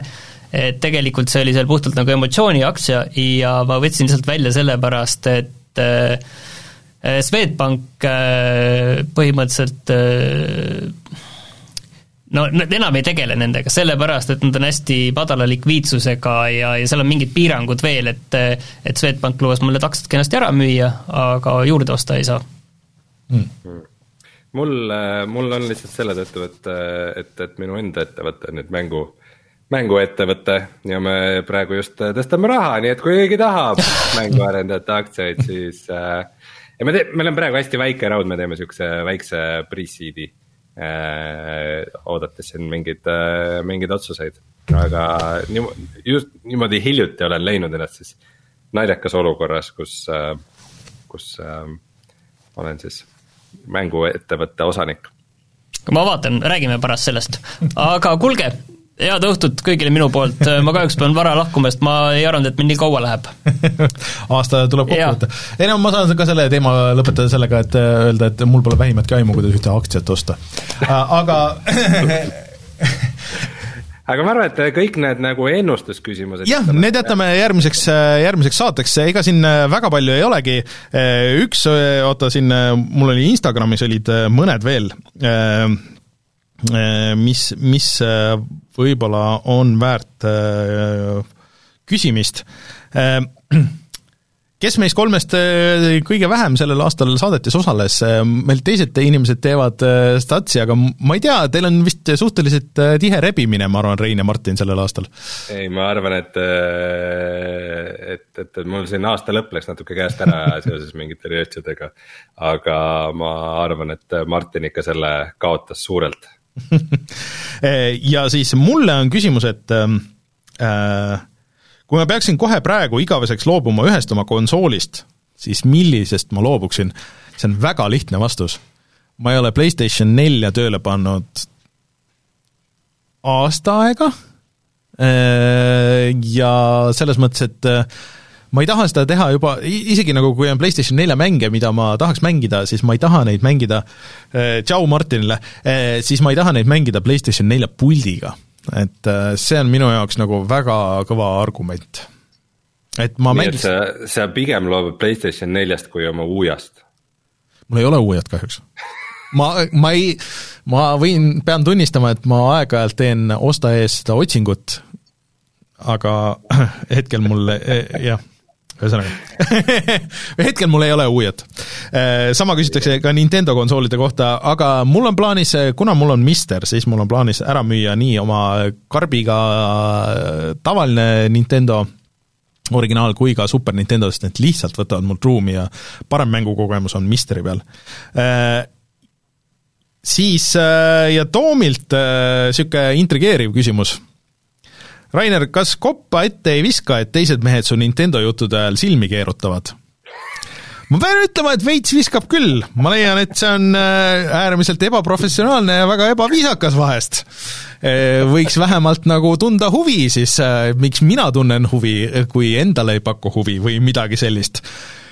teate küll, kellele ma räägin seda no sama võib ka öelda Reinu ja VR-i kohta, on ju. Mina küsin alati, ma jälgin väga täpselt, mis sa räägid äh, VR-i kui kohta. mind ei ole, siis, siis see jutt, mis te vahel räägite, see küll varem ohkama mind, kui ma kuulan saateid, kus mind ei ole ennast olnud. ja mõtlen, et kas nagu tõesti nad pole mitte ühtegi sõna kuulanud, mis ma olen viis aastat rääkinud. aga, aga ei, point õige, selles mõttes ähm, jah kas kaks tuhat kakskümmend üks äh, katsud ennast parandada, olla positiivsem?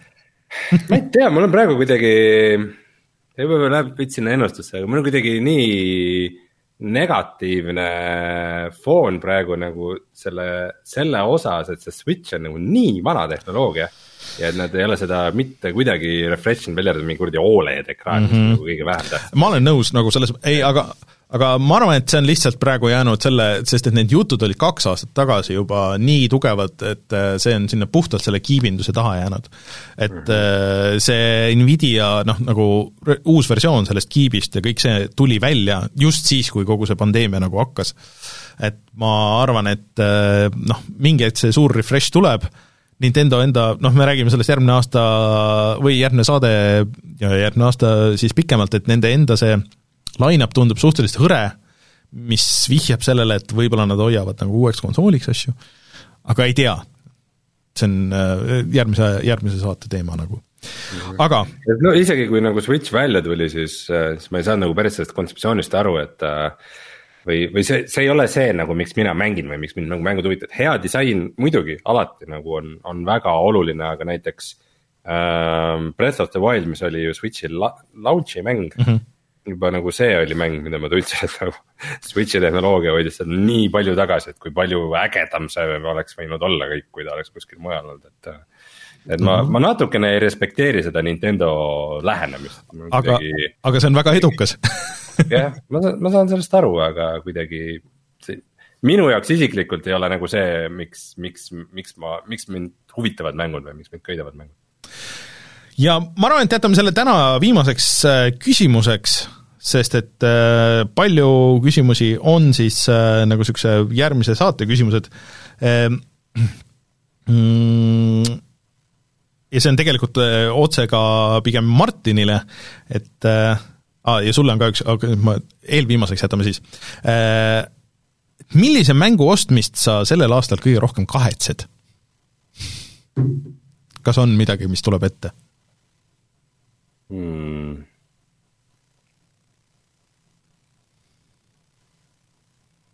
midagi oli, mis ma tahtsin, tahtsin äh, refund ida, aga ei saanud või midagi. Cyberpunki sa refund isid vist kohe või? ei, Cyberpunki ma ei ole refund inud ah.. Uh, no Man's Sky'd kunagi tahtsin aga, aga ei saanud. midagi sa refund isid küll. selleks liiga palju tunde um,. hea küsimus, aga ma ei tea, korra nagu vaataks tiimi selle pilguga, aga nagu otseselt midagi vist nagu nii hullu ei, ei, ei torka pähe küll ah,. Äh... Ah, võib-olla tead, üks, mis ikka, mis ikka nagu, mis ma ostsin ja oli kehv, oli see uh,. Warhammer Battle Sisters uh, või midagi siukest uh, quest'i peale, mis oli nagu idee poolest oleks võinud olla kihvt, aga ikka tegelikult oli täis mõtetes. üks nendest viieteistkümnest Warhammeri mängust sellel aastal see on, see on hullus, mis sellega toimub, jah. no ja jät-, ühesõnaga jätame siis täna viimaseks küsimuseks ja järgmised küsimused äh, lähevad siis mm, või okei okay,, ma küsin selle ka ära. Rein, kas CyberPunk on tulevikus äh, kaks tuhat kakskümmend üks aasta parim mäng? See on tegelikult kaks tuhat kakskümmend. esiteks oled sina suurem CyberPunki ekspert kui mina, sest sa oled reaalselt selle läbi mänginud. minul jäid ja suht varakult pooleli. Äh, ja teiseks, ma saan aru, et aastaga nad on ikka suutnud äh, ära lappida auke ikka väga vähe, nii et mm -hmm. võib-olla nagu kaks tuhat seitsekümmend seitse aastaks on ta nagu okei okay mäng, aga noh, kaks tuhat kakskümmend üks aasta parim mäng ta kindlasti ei ole jah. ja siis äh, lõpetame selle viimasega, et millist videomängu tegelast meenutab sinule Rainer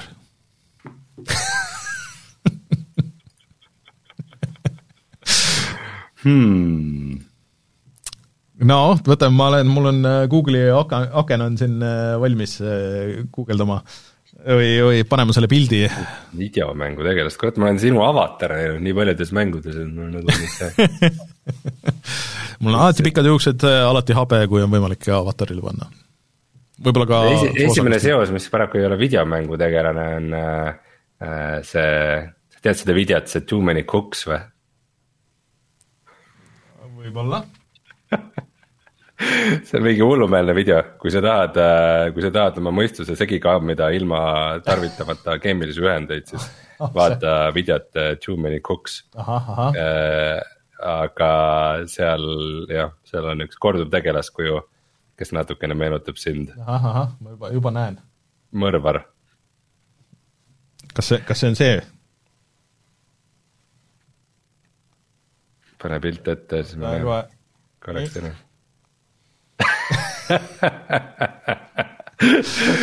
no ma ei saa aru, millal on, ma vaatan veebikaamera pilti ja millal seda pilti. see on, kas, kas saate vahest aru? chat, chat, kas te nõustute minuga tegelasi, jah ja no ma ei tea, kui sul Resident. Evil kaheksas oli üks, vaata see suur libahunt ka suure habeme ja juustega. ja, ja, ja, ja. haamer oli käes, vist äkki see äh...? ja siis oota, mis see oli ähm...? mingi Resident Evil vahe, vaheboss kas see oli see, kas see oli see mees või? just. see on ka teatud sarnasus, eks? jah, teatud sarnasused jah. eriti nüüd, kui aastad siin edasi on läinud, siis mul habe läheb järjest hallimaks nagu, et, et siis äh, lõpuks see on niisugune final äh, final form nagu, kuhu ma ilmselt jõuan. kuhu sa ja. lähed aga aitäh kõigile, kes küsimuses Urias. mis ta nimi oli? Urias. Urias selge võib-olla sellepärast, et ta vuriseb palju. jaa, nagu mina. Aga see oli siis aasta kaks tuhat kakskümmend üks meie poolt aitäh kõigile, kes küsimusi saatsid eh, ja siis eh, aitäh kõigile, kes eh, meid toetasid sellel raskel aastal. Ja me oleme tagasi siis järgmine nädal, nagu ikka, neljapäeva õhtul ja reede hommikul. Ja siis me keskendume sellele, et mida võiks aasta kaks tuhat kakskümmend kaks, veider on öelda veits, huvitav, kui kaua mul äh, järgmine aasta siis läheb, et et, et kaks, kakskümmend üks ei ütle. Äh, tehke praegu oma kihlveod, kas Teh... aasta esimeses saates Rainer ajab juba aasta sassi? just, et äh, kaks tuhat kakskümmend kaks aasta algab meil juba paari päeva pärast ja ja me oleme siis tagasi, me, hakkab käima meie kümnes aasta, me oleme kümme aastat seda saadet teinud ja Äh, Martin siin spoilerina ütles, et äh, meil on äh, sajaprotsendiliselt kindlusega ees kolimine järgmisel aastal, väikse spoilerina, et mis, mida järgmine aasta meil toob, nii et see saab olema huvitav, nagu ikka. Aga jah, et järgmine, järgmine saade räägime siis sellest, et mis mänge me ootame, mis mängud üldse võiks tulla ja siis võib-olla teeme panused, et mis edasi lükatakse. Äh, ma arvan, et võib julgelt öelda, et äh, noh, kolmandik lükatakse edasi, kui mitte pooled, nagu nendest mängudest, mis on välja kuulutatud järgmiseks aastaks. aga kui ei, siis äh, veebruar-märts tundub megatihe tulema järgmine aasta. vot. aga aitäh siis kõigile, mina olin äh, Rainer, minuga siin stuudios oli Martin, äh, kes äh, praeguseks juba lahkus, ja üle interneti Rein. loodetavasti teil kõigil on tore aastavahetus, loodetavasti teil on olnud toredad pühad ja siis meiega kohtute juba järgmisel reede hommikul ja tšau! tšau!